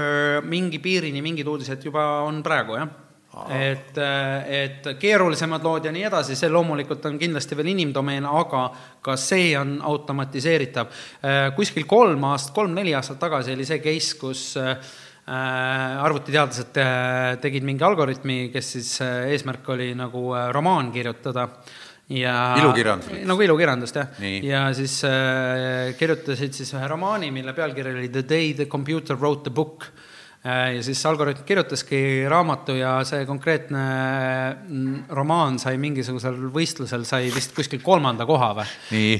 et noh, okei okay,, esimest kohta ta ei saanud, aga okei, ja ütleme, mida neljanda koha kirjanik arvas sellest? aga ikkagi žürii oli selles mõttes nagu eh, noh, ei lugenud sellest seda välja, et see tegelikult ongi siis arvuti, arvuti kirjutatud raamat. ehk siis noh, kui varasemalt päris paljusti on arvatud, et niisugune nagu noh, klassikaline loovtöö ei ole automatiseeritav, siis on küll et nii teksti kirjutamine kui muusika tegemine kui väga paljud asjad on äh, automatiseeritavad äh, kuule, kas see teadusajakirjade eelretsenseerimine käib ikka inimeste poolt või? Äh, ma arvan, et kindlasti on ka mingeid botte, jah. ma mõtlen, et kas sa grievance study case'i oled kuulnud? Ma ei- ei ole kuulnud. see Sokol äh, tegi, nimeline mees tegi siis kaks nädalat tagasi, kirjutas teadusartikli, kus äh, ükski asi ei vastanud tõele eelretsenseeritavasse ajakirja, samal hetkel avaldas siis teises ajakirjas, et see on fake. ja sellest tuli suur skandaal ja nüüd kakskümmend aastat hiljem kolm noort teadlast tegid siis sama eksperimenti aasta jooksul kahekümnesse ajakirja. Ja vist üks kuusteist kahekümnest artiklist avaldati, täielikku jama, ma lugesin, need pealkirjad olid juba sellised, karju appi, mis sotsiaalteemad, noh, sellised noh, nii edasi. ja, ja siis ja, ja, ja lõpuks mingi ajakirjanik Wall Street Journalist jõ- jõudis nagu jälile, hakkas jõudma, siis nad avalikustasid selle ja mm. nad, ühe nimi on Lindsay, üks oli Pluck Rose, üks naisterahvas ja ma ei mäleta, kes see kolmas oli. ja, ja, ja et, et miks ma seda räägin, et, et, et selle põhjal, mis sa ütlesid, et, et eh, robotid kirjutavad artikleid, robotid tsenseerivad artikleid, robotid avaldavad ja nüüd see annab legitiimsuse, see annab mõnele vennale kraadi, mille abil ta ülikoolis peseb mingi pundi ajusid, nii nagu ise tahab, sest tal on legitiimsus, mille ta on saanud justkui ametlikult, et, et kuidas see haridussüsteemis nagu vä- või noh, ma vist lähen praegu väga segaseks oma jutuga mm.. ei äh,, selles mõttes, et äh, üldiselt, vist eelmine aasta oli niisugune, on Davosis on see maailma majandusfoorum ja mingi tippkohtumine, kus erinevad äh, riigipead ja muud äh, ettevõtjad kokku saavad ja seal on, oli, oli, oli niisugune see tüüp nagu Alibaba boss Jack Ma, kes sisuliselt ütles seda, et äh, hetkel me nagu koolitame ja harime oma lapsi konkureerima robotitega ja see on nagu see võitlus, milles, mida nad ei võida. Ehk siis, et selleks, et me suudaksime seda muutuste ahelat üldse vastu pidada, siis tõepoolest har-, haridussüsteemi muutmine väga fundamentaalselt on äh, üldse nagu baaseelduseks, et me suudaksime seda kohanemisvõimet nagu tagada. nii, ja kuidas on Eesti, vot nüüd, nüüd on tähtis see, et, et, et maailmas on praegu see teema, et ülikoolid on omadega metsa poole hakanud minema. Et, et, et päris targad inimesed ütlevad, et, et see on väga halb uudis, keegi ei taha seda nagu väga noh, rääkida sellest, aga et kahjuks jah, on nii, et peavad noored võtma hunniku õppelaenu ja saavad sellise haridusega, mille, millest hiljem on pigem kahju kui kasu. ja, ja siis nad teevad, teevad kuskil Youtube'is oma loenguid ja, ja teevad mida iganes ja, ja teatrites esinevad publikule ja et, et kas, kas me liigume Eestis, mis, mis meil, meil on niisugune pisike mõnus riik, me ei pea ju neid lollusi järgi tegema, et kuidas meie saame seda nagu vältida no Toomas, ma arvan, et sina oled juba piisavalt vana mees, et sa oled seda juttu ilmselt varem kuulnud, et noorus on alati hukas ja ülikool käib alati alla, et see on nagu noh, ütleme nagu äh, niimoodi ongi asjade seis, eks ju, et see on alati nii olnud ja alati jääb ka nii olema. aga mis äh,, ma arvan, et äh, noh, ütleme Eesti või noh, ütleme põhimõtteliselt me peaksime liikuma rohkem ja üha enam personaliseerituma hariduse poole, et äh, asjade poole, mida näiteks äh, Ken Robinson äh, räägib, kus tema kasutab metafoori, et me peaksime liikuma industriaalselt haridussüsteemist agraarseks, noh, see põhimõtteliselt tähendab sedasama personaliseeritud hariduse jada või siis liiku... personaliseeritud, sinna alla käib ka koduõpe või? Noh, sinna alla käib see, et sina inimesena, sul on iga, sul ei ole nagu niisugune standardharidustee, vaid sul on iga, sa ise nagu valid ja kujuneb välja jooksvalt vastavalt sellele, milles sa hea oled ja ja kui sa teed seda koduõppes, siis jumala eest, mis iganes. kraadimajandus siis töötab? vastavalt oskustele, selles mõttes, et ka see kraadimajandus ja selle nii-öelda oskuste mõõtmise süsteem, äh, ma arvan, et peab nagu väga-väga teistsuguseks muutuma, sellepärast et neid oskuseid, mida meil selle tuleviku jaoks vaja on, need on väga erinevad sellest, mida meil praegu ilmtingimata õpetatakse. Äh, mulle väga meeldib ühe näitena, on niisugune äh, tüüp nagu Sugata Mitra, temal on niisugune video nagu How to build a school in the cloud, ehk siis kuidas ehitada kooli pilve. tema nagu loogika hakkab sellest pihta, et äh, esiteks äh, mitte, et äh, õpetaja peaks õpetama, vaid lapsed võiksid ise õppida. ja no., ja kogu nagu loogika ongi selles, et lapsed ise õpivad, mitte et keegi tuleb ja nüüd õpetab. oota, see oleks ju ideaalne küll, et kui ei ole, lapsed ise õpiks, aga nad ju ei õpi.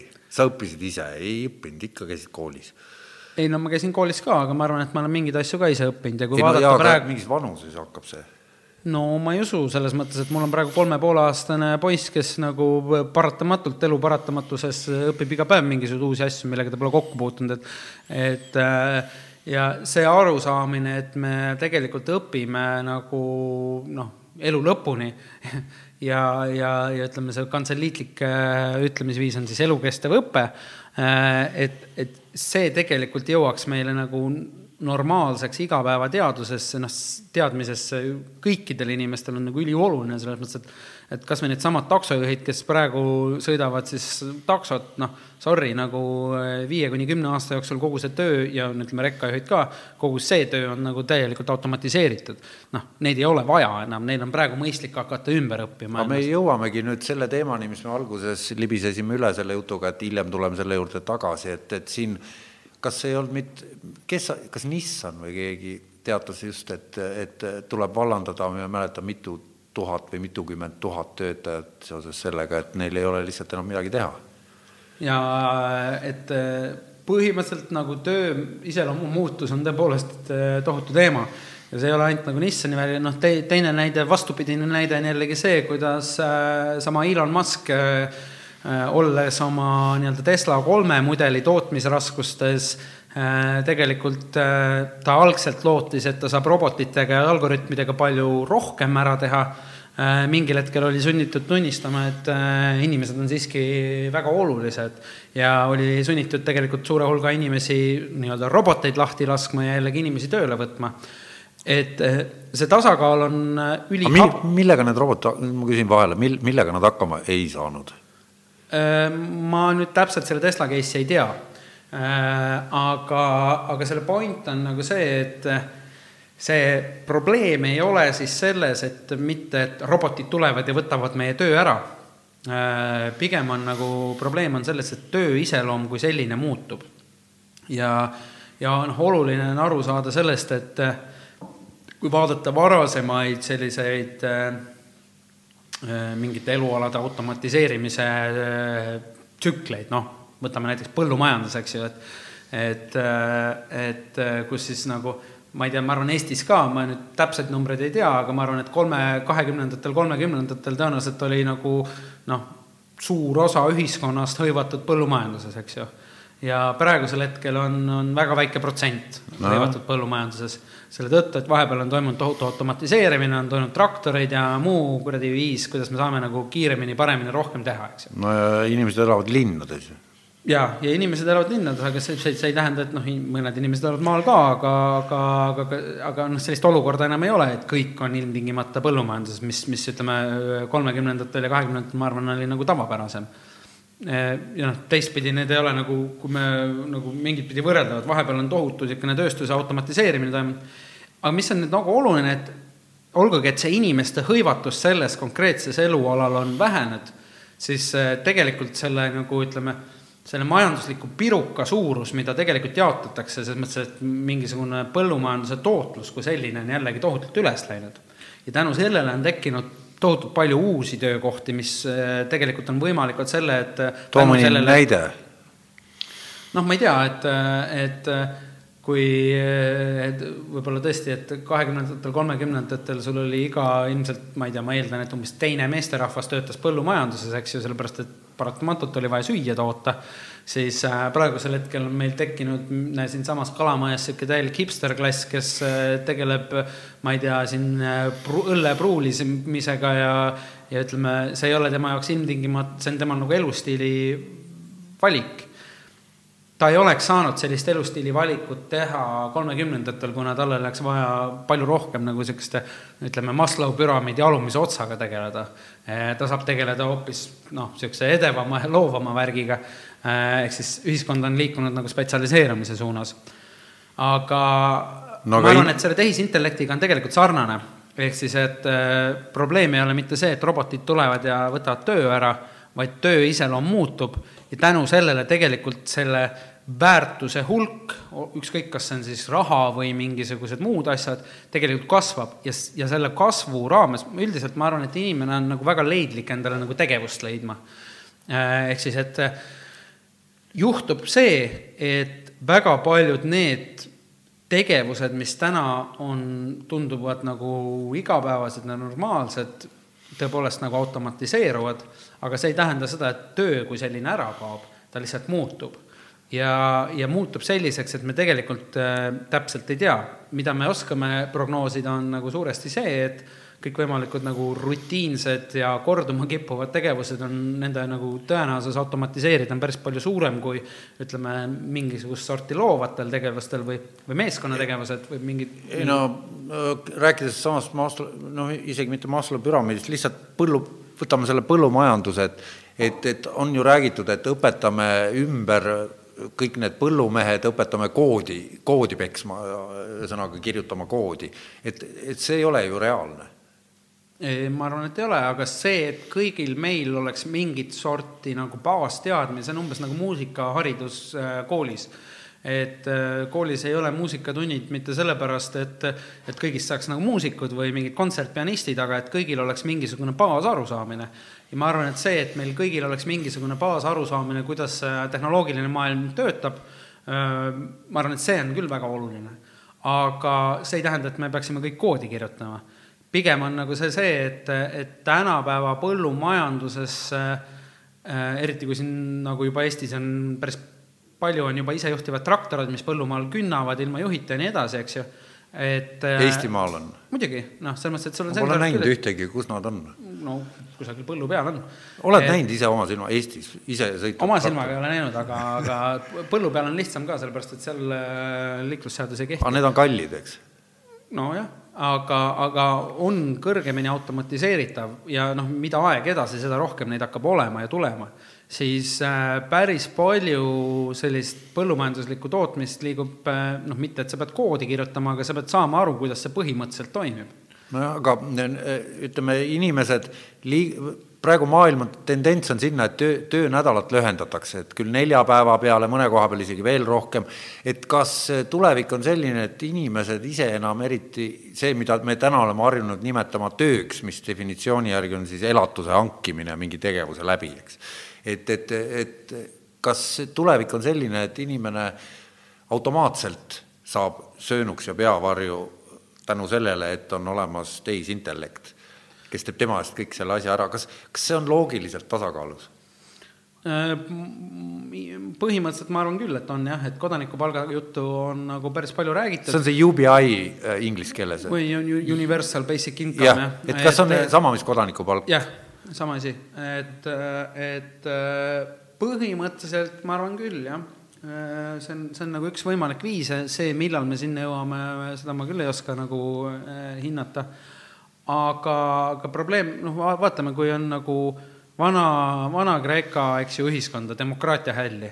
Äh, tol hetkel, eks ju, noh, mõningad iseärasused loomulikult olid tolles ühiskonnas, ehk siis et et niimoodi riigi või siis linnriigi asjadest, et noh, see kõik tulid siis, kodanikud tulid nagu siis sinna Agorale või siis sellele turuplatsile siis nagu kokku ja tulid siis seda linnriigi asja ajama, eks ju Äh, noh, need iseärasused olid nagu suuresti selle tõttu, et äh, noh, esiteks naistel ei olnud hääleõigust, naisi ei lastud sinna ja, ja orjad tegid kogu töö ära. noh, et, et kui nüüd noh, meie ühiskonna kontekstis enam seda nüüd on naftaorjade asemel? Ei no nafta on ka, aeg on juba ammu läbi, et Äh, pigem, pigem, ei no naftaaeg on juba ammu läbi, et praegu andmemajandus on nagu ikkagi põhi, põhikoht. oota, siit me ei saa nüüd edasi minna, enne kui me selle sirgeks räägime, naftaaeg läbi, peak oil oli selle asja nimi, ehk see nafta tipp, see on möödas. Aga naftaaeg ei ole ju kuskilt otsast läbi, autod sõidavad. ei, ja, ja, ja, aga lihtsalt, et äh, naftaaeg jah, selles mõttes ei ole kohe, aga, aga ütleme Äh, kui vaadata näiteks maailma suurimate ettevõtete nimekiri, et kus äh, rohkem raha toodetakse ja nii edasi, siis äh, kõikvõimalikud nii-öelda vanakooli naftaettevõtted ei ole ammu enam seal kõige kõvemad Oota, tüübid. kas sa oled kursis, mis seal selle ümber selle pooluse puurimise toimub?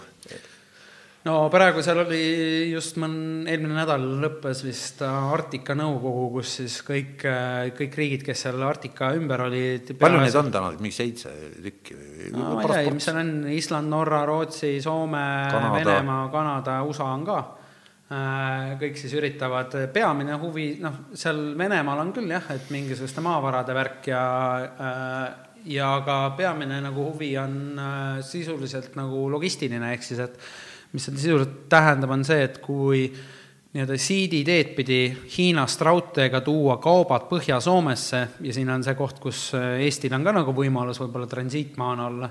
oota, ma siis... ikka küsiks vahele, siiditee, me räägime nüüd sellest, mille jupp on äh, see Rail Baltic ja see tunnel, mida tahetakse Soome teha või? see ei ole noh, ilmtingimata seesama, eks ju, aga aga see on noh, põhimõtteliselt võiks siit ühilduda, jah. aga selle point on põhimõtteliselt see, et äh, Hiinast saada kaupa USA idarannikule äh, märkimisväärselt kiiremini, kui ta praegu on olnud, siis see on tegelikult on kõige lühem tee, äh, kui rongide ja laevadega tuua et siis, siis see niisugune geopoliitiline strateegia on jah, et Arktikat umbes, ma ei tea, kahekümne viie aasta pärast on võimalik juba laevatada noh, selle kõigega on kindlasti omad probleemid ja, ja nii edasi. oot, sa räägid nüüd kliima soojenemise kontekstis?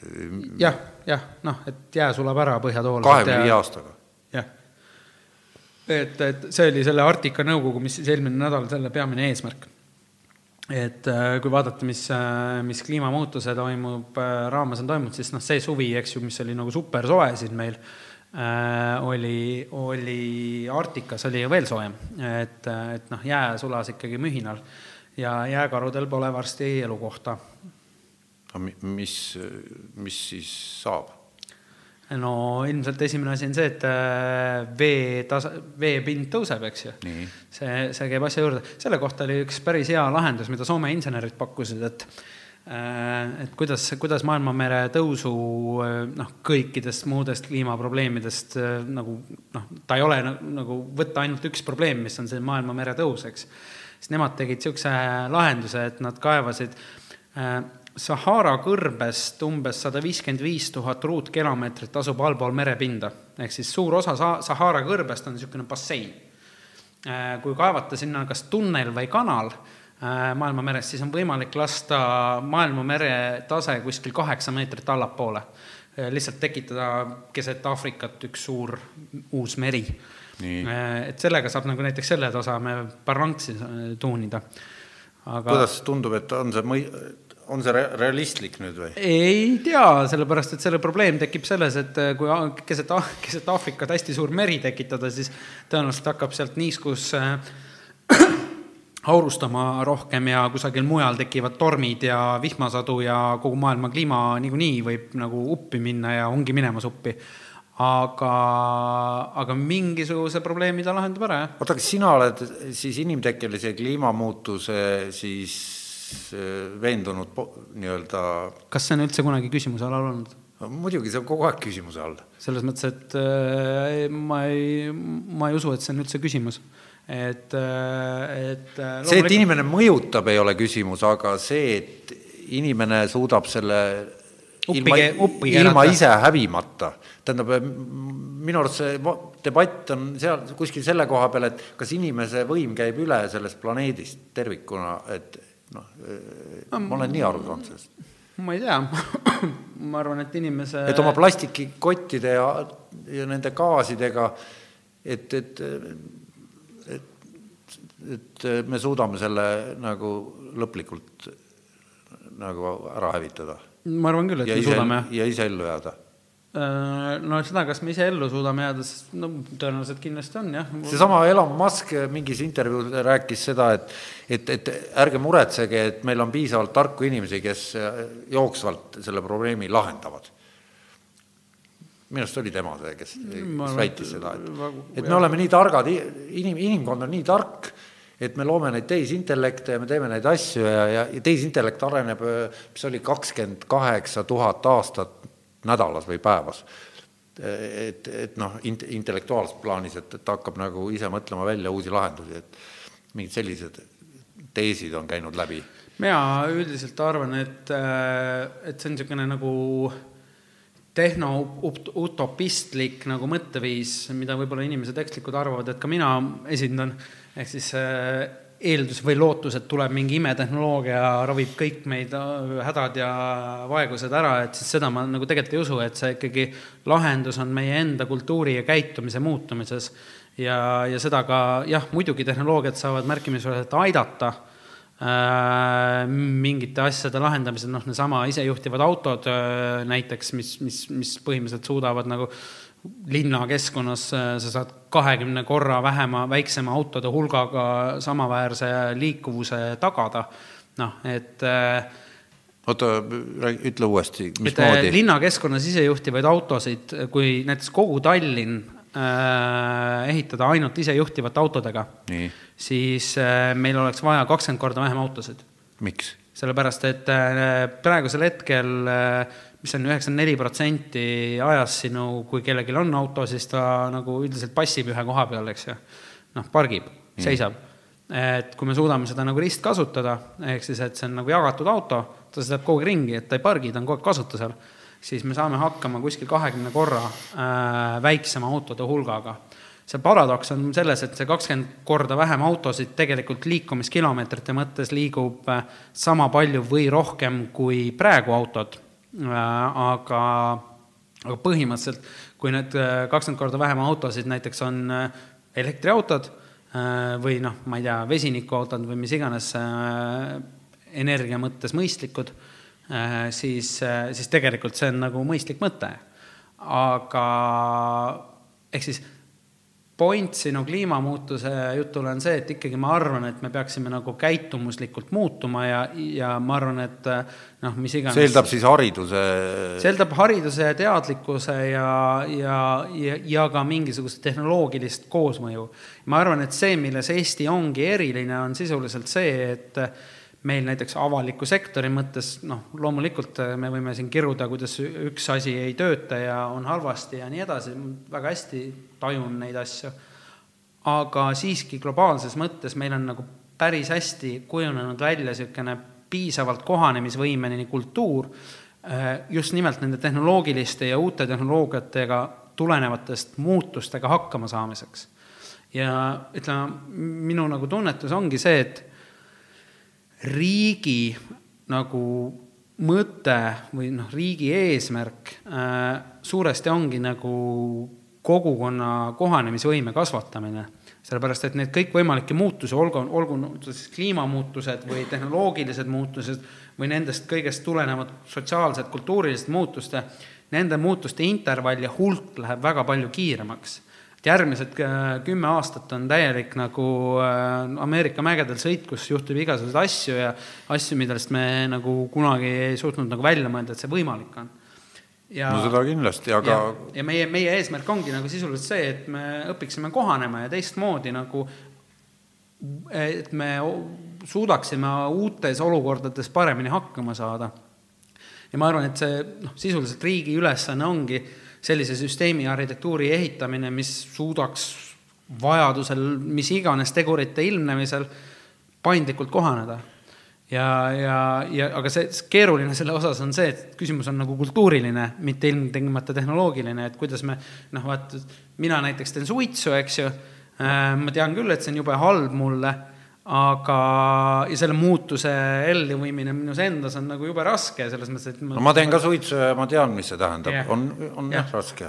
aga kuidas me ehitame sellise kultuuri, mis on nagu pidevalt võimeline selliseid muutuseid nagu tervikkogukonnana üle elama? no kuidas me viime inimese mõtlemise sellisesse kohta, et ta hakkab mõtlema, et see on talle kasulik kui ta ei taju ja ei tunneta seda igapäevaselt, et see on ju see põhiküsimus, et. ja, ja noh, ütleme, eks ju, kunagi, kui aurumasin leiutati ja, ja see niisugune nagu noh, esimene tööstusrevolutsioon ja ütleme, kogu see niisugune tehnoloogiline revolutsioon sai alguse, selles, selle tõttu hakkas ka inimeste rahvaarv hakkas noh, kasvama jõudsalt, äh, siis, siis tegelikult me jõuame, ma arvan, kümne aasta pärast sellisesse aega, kus meil Äh, iga päev või iga nädal tekib uus aurumasin, mis põhimõtteliselt meie, ütleme, siin maal mingisuguseid majandus- või käitumisloogikaid äh, väga radikaalselt muudab. ja me peame kogu aeg olema kohanevad ja kogu aeg õppima uusi asju, äh, mis sisuliselt toobki, et me peame nagu oma haridussüsteemis mingisuguseid baasoskusi õpetama, mis, et me saaksime nagu no aga, oleksime piisavalt kohanemisvõimelised. no aga näiteks see paarkümmend aastat tagasi juba ennustati, et täna justkui oleks pidanud juba olema ülikoolides tehisintellektid õppejõududeks. et kuidas selline, ütleme, need kaks asja, tehisintellektist õppejõud ja meie peame kohanema ja õppima teistmoodi mõtlema, kuidas need kaks asja sinu peas omavahel äh, nii-öelda äh, ilma sõdimata nagu kokku sobivad? Esiteks võib-olla on see, et sa ütlesid kahekümne aasta eest. no see oli kaks tuhat üks, ma printisin välja ühe niisuguse noh, tuleviku te-, tehnoloog-, te-, seal ei olnud ainult tehnoloogias, et muud valdkonnad ka, aga tehnoloogias mul on noh, ja mul on see alles, et ma seda pärast näidata, et seal on, et täna meil peaks juba olema ülikooli õppejõud ja arstid ja mis iganes peaks kõik olema tehisintellekti, ei ole. üldiselt on see, et inimestel on niisugune nagu harjumus äh, üle hinnata äh, lähiaastate muutusi ja alahinnata pikaajalisi muutusi, äh, mis tähendab, et inimesed nagu ütleme, lähiaastate tehnoloogialt eeldavad ja loodavad nagu igasuguseid imesid, eks ju aga pikemaid asju kipuvad, kiputakse alahindama, noh, samamoodi nagu kui oli kaheksakümnendatel oli film Back to the Future, mis siis kujutas mingi, vist oli kaks tuhat viisteist aastat, kus siis oli see lendav rula ja igasuguseid asju. Äh,, siis seal oli üks niisugune vaheseik, kus äh, äh, kus siis kujutati maailma aastal kaks tuhat viisteist, umbes aastal kaheksakümmend üheksa või midagi niisugust ja, ja siis seal oli niisugune pere istus äh, ümber äh, mingisuguse söögilaua ja, ja kõik olid oma mingites väga veidrates nutiseadmetes põhimõtteliselt mm. -hmm. et põhimõtteliselt noh, tänapäeval on ka, et kõigil on omad seadmed ja nii edasi. aga mida nad seal ette ei suutnud prognoosida, oli see, et kui kellelgi noh, tuli, keegi helistas ja siis, siis oli see, et oo, kuule, tule liini pealt maha ehk siis, et nagu seda, et igalühel on oma eraldi liin, nagu meil praegu on, ehk siis, et kui sa helistad kellelegi, sa saad otse tema kätte, mitte et sul on nagu üks liin, mis tuleb majja sisse ja siis ainult üks inimene võib korraga rääkida, eks. seda nad ei suutnud prognoosida. aga selle point on nagu see, et me võime ja osata mõelda igasuguseid tehnoloogiaid, kuidas ma ei tea, mis iganes autod lendavad ja nii edasi, noh, autode lendamine on ka juba ammu ära tehtud, eks ju, et see ei ole midagi erilist.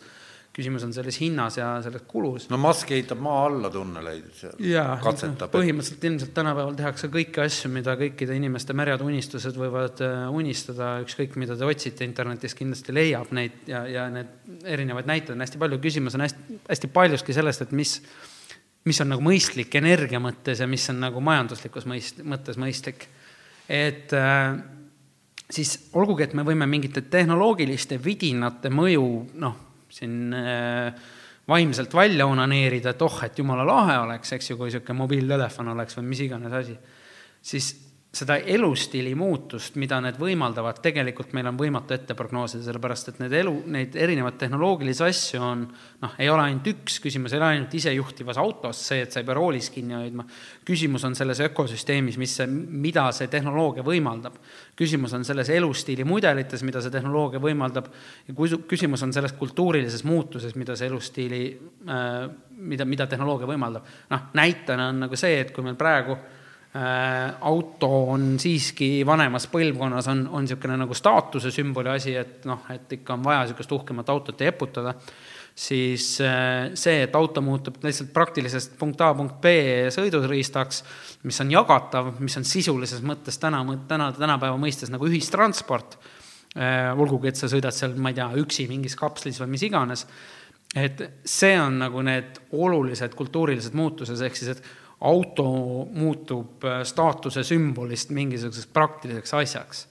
või äh, see, et äh, noh, erinevate tehnoloogia või, või tehisintellekti näidete puhul, kus, kus nii kaua, kuni on tegemist hüpoteetilise tootega, on see siis noh, ma ei tea, kirurgiline robot, mis suudab pehmkudede vahel teha märkimisväärselt vähem vigu, kui inimkirurg, tippinimkirurg kunagi suudab eks, et nii kaua me, kui räägime sellest nagu ulmest, siis see on nagu niisugune müstifitseeritud, aga sellel hetkel, kui see asi nagu päris ellu tuleb, siis tegelikult enam ei räägi keegi tehisintellektist, küsimus on lihtsalt mingisugune robot, mis no aga me kõik teame, me kõik teame, et tehnoloogia are-, aren-, noh, ütleme see cutting edge tehnoloogia või, või see, kuidas see siis on, noh, see kõige, kõige arenenum. viimane sõna on kuskil Tarpas, mis on mingi sõjaväe kinnine salastatud mis iganes koht, kus mõeldakse välja asju ja tehakse asju juba täna, millest meil pole õrna aimugi ilmselgelt ja, ja saame teada paarkümmend aastat hiljem, mis juht-, noh, kust see on tulnud internet. Tarpaga, Tarpaga ei ole alati see, et kõik on nagu salastatud. Äh, Tarpal on päris hea formaat, äh, millest väga suur osa neid globaalseid innovatsiooni asju äh, on tulnud, on see, et Nende formaat on sisuliselt see, et nad äh, püstitavad lähteülesandeid ja panevad auhinnaraha sellele. et seesama asi, isejuhtiv auto näiteks, äh, on konkreetselt Tarpa poolt nagu algatatud asi, kus kaks tuhat, mis see oli, kuus või seitse aastal äh, toimusid esimesed nagu võistlused. Tarpa ütles, et auto peab sõitma mingisuguse hulga kilomeetreid niimoodi, et kurat, keegi ei näpi, eks ju ja esimene kord nagu mitte keegi ei saanud hakkama ja järgmisel korral juba suur osa erinevaid tudengi akadeemilisi meeskondi juba said hakkama. ehk siis Starba ta... ei ole kinnine asutus? ei, mitte alati, ei otsast lõpuni ei ole.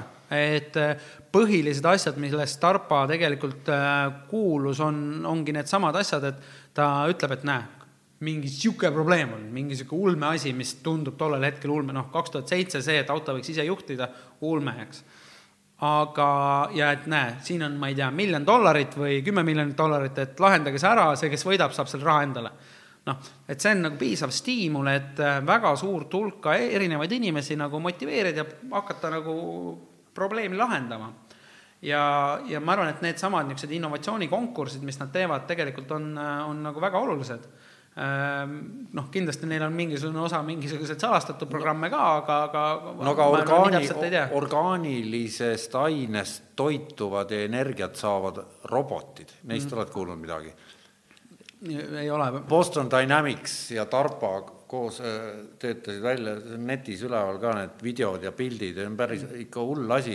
Ja, ja seal on nagu peenelt öeldud, et, et see robot, tal on üks käsi, kus on saag ja siis niisugune haarats mis siis võtab nagu kuskilt kinni ja lõikab selle tükkideks ja siis paneb selle omal kuhugile, mis siis tekitab energia, mille abil ta siis edasi liigub mm -hmm. järgmise objektini.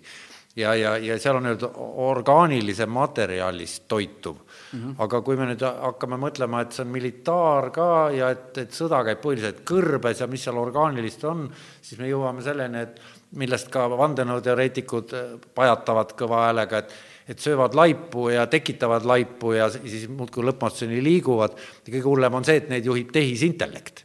Mm.. et mis sa selle peale kostad, et, et kõige nagu, kui sa nagu tehisintellektile annad nagu, eks ju, ülesande, et ta peaks nagu kirjaklambreid tootma ja tema ainukene nagu eesmärk on nagu kirjaklambreid toota ja tema ülesanne on nagu see kirjaklambri to tootmine üdini nagu efektiivseks viia noh, siis, siis jääb nagu inimene ette. siis, siis ja muidugi jääb inimene ette, sellepärast et see on nagu, ta ei saa ju kirjaklambreid toota.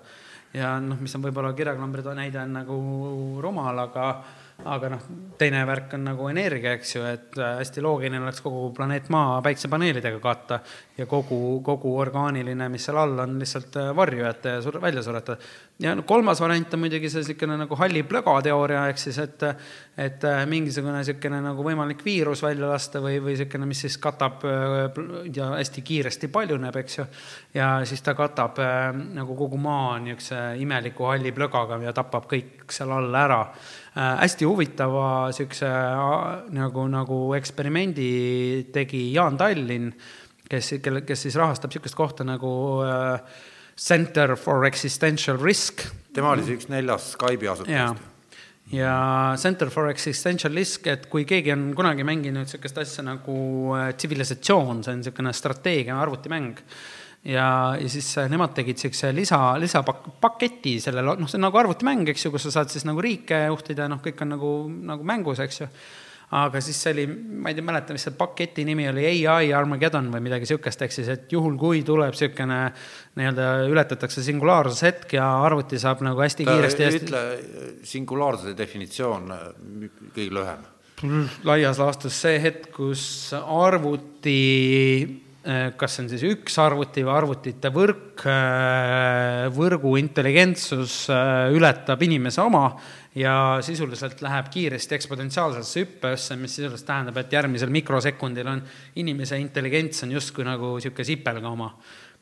et kui see juhtub, siis see juhtub hästi kiiresti ja noh, siis meil polegi suurt midagi teha et või noh, kõik oleneb sellest nagu lähteülesanded, see ongi see nagu enamus niisugust äh, filosoofilist vestlust äh, kogu selle superintellekti ümber eh, noh, sisuliselt sellega tegelebki, et kuidas, kuidas selle tehisintellekti eesmärk eh, niimoodi paika panna, et see ka vett peaks lihtsustatult. et siin on kaks eh, asja, üks on, sa kindlasti oled kursis Isaac Asimovi neljakümne teisel aastal kirja pandud kolme robootika seadusega mm. -hmm.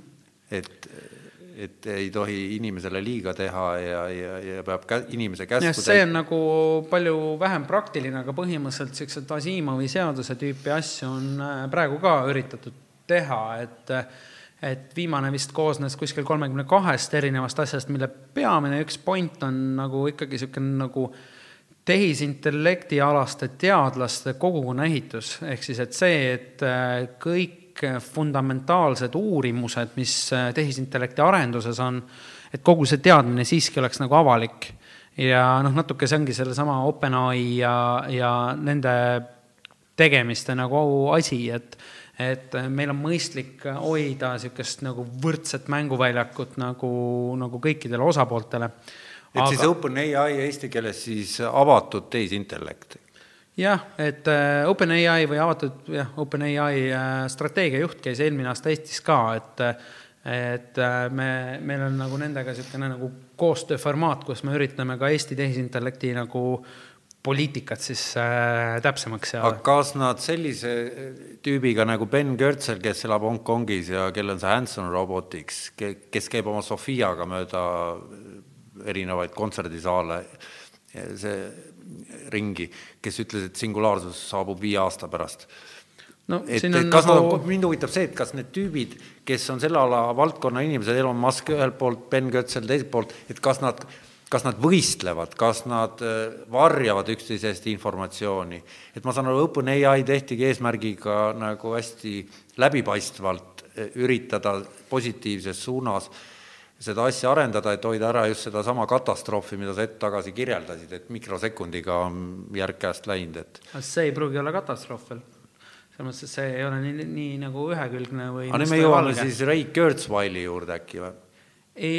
noh, ütleme see tema töötab ju Google'is nüüd.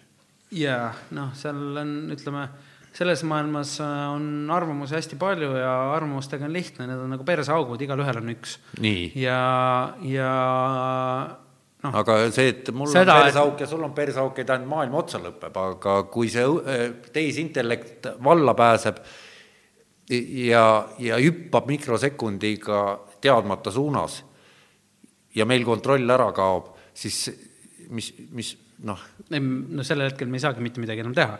küsimus on seda, kas me suudame eelnevalt äh, selle ehitada sellisena, et, et, et ta toimiks nagu sünergiana. no ma olen kuulnud, et üks versioon nad tahavad teha, et ta on karbi sees, et ta ei pääse võrguühendusse muu maailmaga, see tehisintellekt, ma, ma ei see tea, mis, mida see tähendab. see ei ole realistlik aga kui ta on äh, pilves, siis ta on juba igal pool, jah. hakkab juhtima. et see on nagu rets selles mõttes, et äh, see on nagu, äh, eks ju, mida inimkond siin vaikselt ehitab, on oma mingisuguses, ma ei tea, ütleme, filosoofilises mõtlemises, et see on nagu jumal ja ori ühes isikus et äh, kui sul kujutad ette superintellekti, noh, ehk siis inimesest ja inimkonnast targemat intellekti, mis ühtlasi kontrollib kõiki nutiseadmeid, mis ümber on, sellepärast et loomulikult on ta võimeline igale poole häkkima sisse ja igasuguseid andmeid ära muutma, siis äh, ja ühtlasi me teeme seda selleks, et meie enda elu oleks lihtsam ja ta aitaks meil olla, me tahame orja endale, aga sellel hetkel ta muutub nagu jumalaks siis on ta hea või halb? ja just, ja seda me nüüd nagu ei tea tegelikult. aga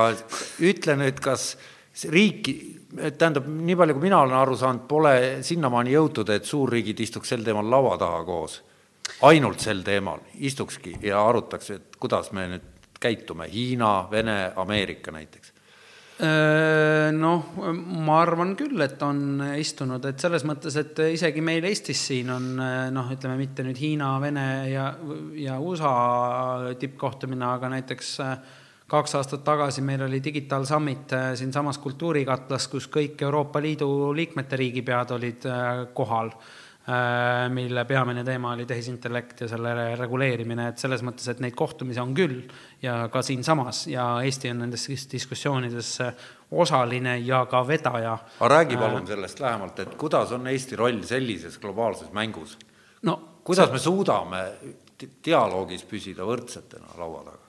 Äh, see kogu dialoog on ainukene mänguväljak, kus Eesti üle omaenda kaalukategooria mängib nagu päris alguses me rääkisime mingist X-teest ja andmevahetusest ja igaüks on iseenda andmete omanik, siis praegusel hetkel siis ütleme, tehisintellekti globaalse valitsemismudelite juures, kui me räägime just sedasama Hiina mudel ja USA mudel ja siis Euroopa või siis põhimõtteliselt de facto Eesti mudel, et need on tegelikult täiesti nagu filosoofilises mõttes, ma arvan, täiesti konkurentsivõimelised erinevus loomulikult on see, et Hiinas on üks koma kolm miljardit inimest ja USA-s on väga palju raha ja võimu. Eesti on kärbsesitt sellel kaardil, aga väärtushinnangute põhimõttel ja, ja ütleme, valitsemismudeli koha pealt ma arvan, et Eesti on täiesti nagu realistlik alternatiiv.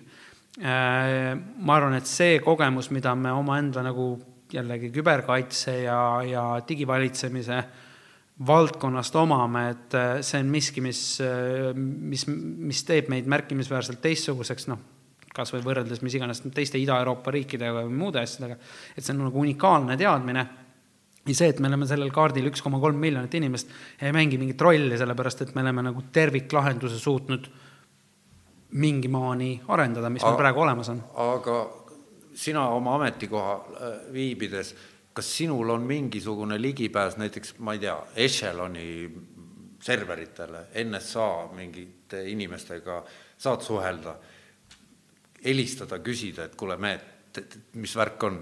ei, ma ei, nagu selles mõttes niisugustest nagu äh, kas need ei ole seotud? tea, tea, ei, ei ole, ma arvan, ei ole jah. et ma niisugustest äh, niisugustest, ütleme, teooriatest ma nagu kas ma tegin praegu kategooria vea, kui ma jah, minu jaoks küll vot kus siis. vaata äh,, miks on Eesti süsteem on jumala lahe, on see, et äh, hajusarhitektuur äh, on ehitatud selliselt, et selle äh, puudub stiimul tagaukse ehitamiseks äh,. sellepärast, et äh, isegi need äh, meie julgeolekuasutused teavad, et kogu meie süsteem põhineb usaldusel äh,. noh, ma räägin siis riigi infosüsteemist, eks mm. -hmm et äh, ja, ja juhul, kui me ehitaksime nagu tagaukse ja julgeolekutüübid teavad ka seda ka väga hästi ja teadvustavad selle ja on isegi vaata et välja mõelnud selle, et äh, juhul, kui nad teevad tagaukse või tekib niisugune nagu noh, inglise keeles on trigger happy või, või keegi, kes tahab hullult nagu tsentraliseerida süsteemi ja ehitada tagaukse, siis alati on keegi. alati on keegi, eks ju.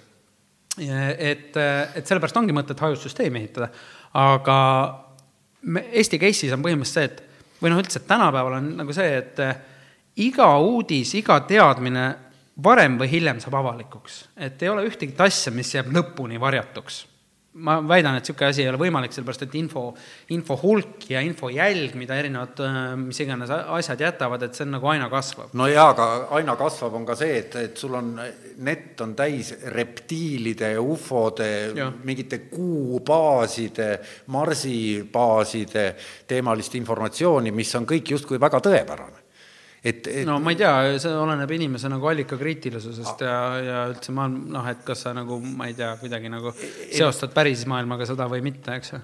ei no aga, aga ütle nüüd, kuidas sa nüüd selle noh, selle oma eel, eelneva jutu, et meil selle point on see, et, et juhul, kui äh, julgeolekuasutused ehitaksid tagaukse äh,, siis nad väga selgelt teadvustavad seda, et see varem või hiljem lekib, eks ja juhul, kui see lekib. seal kuubaaside jutu sees ei, on? see, ma ei räägi kuubaasidest või reptiilidest, ma räägin Eesti infosüsteemi arhitektuurist. Äh, et äh, juhul, kui tekiks tagauks meile hajusarhitektuuri, siis varem või hiljem see info äh, muutuks avalikuks. juhul, kui see muutub avalikuks, siis kaob ühiskonna usaldus selle infosüsteemi vastu. kui selle infosüsteemi vastu kaob usaldus, siis Eesti riik kui selline konstruktsioon lakkab eksisteerimast ja sellel hetkel ei ole keegi, kes, ma ei tea, muuhulgas maksaks palka julgeolekuasutusest. mida ma oma jutuga tahtsin öelda kuubaasidega, on see, et, et kui see saab avalikuks, siis enamus inimestest, mina kaasa arvatud, ei saa aru, et midagi sai avalikuks, sellepärast et see on liiga keeruline. või siis ta on selles samas sahtlis nagu kuubaasid, et ehk siis ma, ma ei saa aru, mis asi sai avalikuks. sa räägid praegu mingist arhitektuurist, haja, haja mis hajus arhitektuur. Nonii, hajus arhitektuuri tagaukse avali-, sealtkaudu imbub midagi välja, ta imbub sinnasamma ju, kus on needsamad kuubaasid, seda ma tahtsin öelda, et kus ma vahet teen et no ma arvan, et äh, ütleme sedasama reptiilide ja kuubaaside äh, juttu on nagu suhteliselt lihtne võimalik välja filtreerida, et see on nagu täielik nagu joga, eks ju. Äh, et, et ma arvan, et noh, ütleme minu siis võib-olla mõnikordne sinisilmne lootus on see, et mõtlevaid inimesi siiski on ühiskonnas ka. Ja, ja need, kes suudavad nagu välja, kes noh, sorry, lihtsalt ei tegele kuubaaside ja reptiilidega, et äh, ma ikkagi väidan, et see on nagu mingisugune vähemus, kes üritab oma maailma mõtestada mingite parateooriate alusel. Äh, et äh, ma arvan, et enamus inimesi suudab, üritab lihtsalt oma igapäeva elu läbi saada ja siis on mõned inimesed, kes üritavad võib-olla tuleviku peale mõelda et, äh, et lootus on siis see, et, et äh, mingisugune hulk inimesi siiski nagu filtreerib välja, et mis on olu-, või noh, on selle oskusega, et nad suudavad välja filtreerida, mis on oluline, mis on ebaoluline. tähendab, sa väidad, et on nii, mingisugune kriitiline hulk äh, inimesi, kes saab aru, kui on, tekib mingi tagauks, kus jah, Eestis kindlasti, selles mõttes, et ja siis ma... on mingid vilepuhujad, kes siis selle suureks puhuvad? Põhimõtteliselt küll, jah. ja see on, ja kuna on tegemist hajussüsteemiga, see tähendab seda, et selleks, et sa tõeliselt kuri peaksid olema, noh, noh, sa pead hästi palju erinevaid osapooli suutma ära sepitada, siis noh, see ei ole võimalik lihtsalt. et, et see ongi selle nagu hajusarhitektuuri geniaalsus, ehk siis mitte, et, et selle võima-, selle ehitamine on raskem, see võtab kauem aega, aga selle võimalik kuritarvitamine on ka selle võrra raskem. Ja, ja see teeb nagu Eesti infosüsteemi nagu globaalses mõttes unikaalseks. et ähm, mis me siis kokkuvõtteks nüüd siis saame öelda? et ma püüan nagu sõnastada oma mõistuse piirides seda, mis siis Eesti, mida, mida sa nüüd oled rääkinud siin, et Eesti on unikaalne, meil on hajus digitaalne arhitektuur, mis tähendab siis seda, et siis tähendab mida, et ei ole ühte niisugust kompaktset saladust, et kui see kuskilt kogemata pillatakse maha, et siis on pidu läbi. et meil on palju erinevaid klotse, eri värvi klotse, laiali pillutatud mis on omavahel sõltumatult, mis ei ole tsentraliseeritud, äh, mingi püramiidi ei, ei moodusta. ja mida haldab siis? igaüks eraldi ja, ja see on mingit pidi selle noh, see teine nagu sõna on hajususaldus äh, või siis noh, inglise keeles on distributed trust, ehk siis need ülesanded on jaotatud ära võrgustiku erinevate osapoolte vahel ja igalühel on oma ülesanne, mis on nagu suhteliselt lihtne, eks ju. et autoregister peab hoidma, et näe, sinul on see B-kategooria luba ja sul on niisugune auto, mitte väga palju rohkem andmeid. ja rahvastikuregister peab hoidma sul seda, et näe, sinu nimi on see, sa sündisid seal ja su aadress on see, that's it. igalühel on väike roll, mis tegelikult läbi selle võrgustiku efekti moodustab terviklikku. siis me jõuame väga olulise asjani, et, et, et on tegemist võrgustikuga, kus on, et puudub üks terviklik hierarhia. et on võrgustik versus hier-, aga kompetentsi hierarhiad on paratamatud. jah, aga, aga, aga juhtimislik või administratiivne tõepoolest puudub. et äh, mingisugused kompetentsid on, jah, on näiteks Riigi Infosüsteemi Keskus, mis haldab X-tee mingisuguseid asju, aga see ei tähenda seda, et äh, kõik need äh, võrgustiku osapooled tegelikult on oma otsastest sõltumatud. ja see on nagu hästi tähtne ka niisugune nagu ütleme, bürokraatliku aparaadi kultuurinähtus on see, et, et me tegelikult äh, oleme läbi sellesama võrgustiku palju tugevamad ja kohanemisvõimelisemad. sa väidad, et ei ole olemas ühist rahakotti, mis seda võrgustikust hierarhia teeb? põhimõtteliselt küll, see on nüüd see on väga oluline ja, asi. ja, ma saan aru, äh, et äh, põhimõtteliselt jah, et Eestis on äh, nagu need nii-öelda digimajad oma suures osas oma eelarvetelt on nagu sõltumatud. meil küll mingisuguste uute arenduste jaoks jah, on nagu mingi keskne rahakott. aga, aga ma arvan, et põhimõtteliselt jah, on ikkagi äh, see niisugune administratiivne sõltumatus on päris äh, suur, mis, mis tegelikult selles ajus, ajus asjas tegelikult mõjub hästi. Äh, seda nagu ütleme, päris lõpuni puhtalt noh, see, eks ju, äh, see, kuidas riik infosüsteemi ehitab, on riigieelarvest ja riigieelarve on lõpuks ju ühes kohas ja see tuleb nagu justkui nagu ühest rahakotist selles mõttes. no õnneks seal Toompeal need, kes sellega, seda jagavad, ei saa ilmselt sellest asjast midagi aru, millest sa räägid no iseenesest ma töötan ka Stenbocki majas, et et sa saad aru küll, mis ma mõtlen. jah, et äh, ütleme, see traditsioon ja bürokraatlik kultuur on äh, välja kujunenud teistmoodi, aga, aga põhimõtteliselt saab öelda jah, et see, ütleme, see, see süsteem on kestlik äh,. mulle tundub, eriti kui veel natuke pimpida siit-sealt. ei, ma just mõtlengi, et, et kui ma sind kuulan praegu, siis mul hakkab tekkima niisugune respekt ja usaldus selles suhtes, et kui sina vastutad selle valdkonna eest, ma saan aru, et sa vastutad selle valdkonna eest mm. -hmm. ja sa väidad, et, et see ei ole tsentraliseeritud, mingisugune nisa otsas ei ripu, kust mm, -hmm. mis aga see ongi põhiline asi, miks Eesti inforarhitektuur on eriline, see on see asi, mida me tegelikult ei teadvusta inimeste ja kodanikena. E, see on see, miks äh, räägitakse, et oi, Eestil on hea digikuvand kusagil välismaal, ikka siin-seal kuulda on.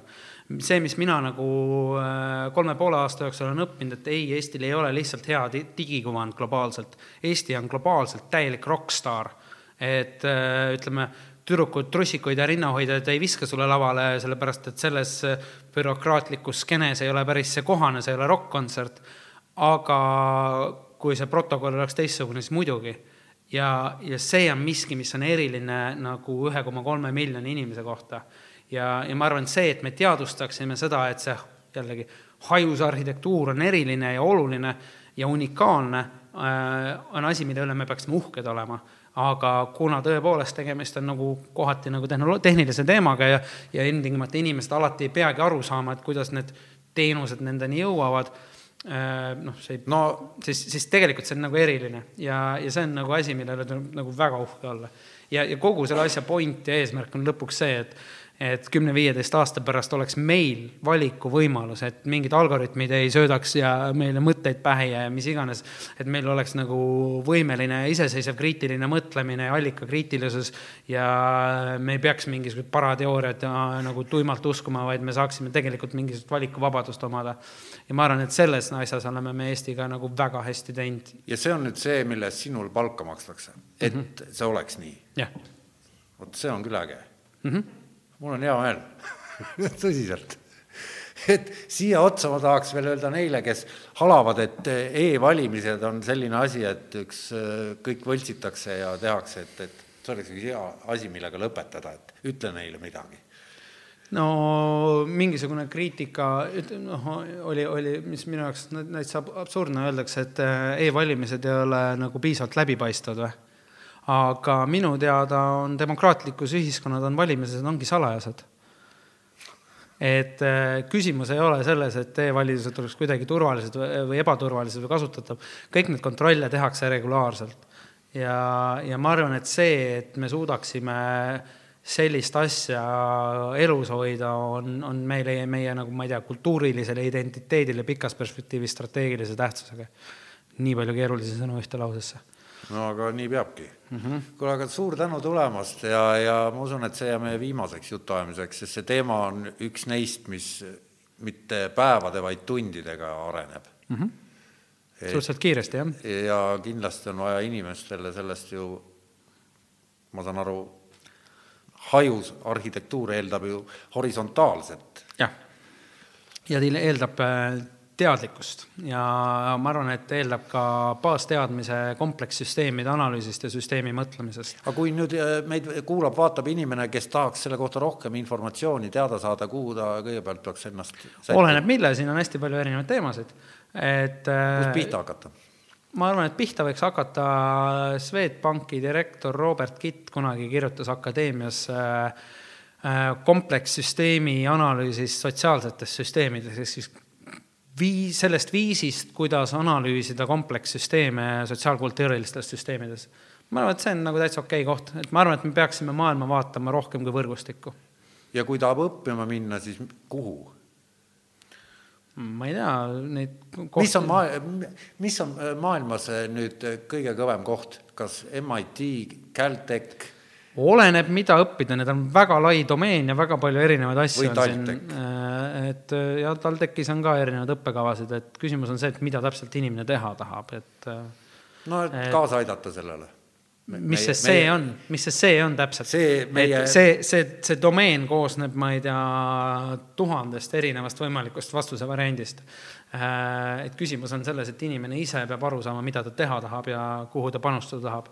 Ja ma arvan, et ütleme, sellisel nagu unistamisel on siin päris palju ruumi, sellepärast et ütleme, see piir, mis on hõljunud hullumeelsuse ja põhivoolu vahel nihkub aina edasi.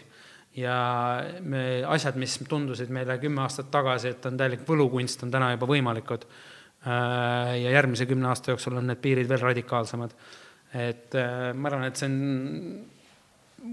põhimõtteliselt võimatu vastata sellele küsimusele. nojah, siis, siis lõpetame saate sellega ära ja, igaüks võib ise edasi mõelda, aitäh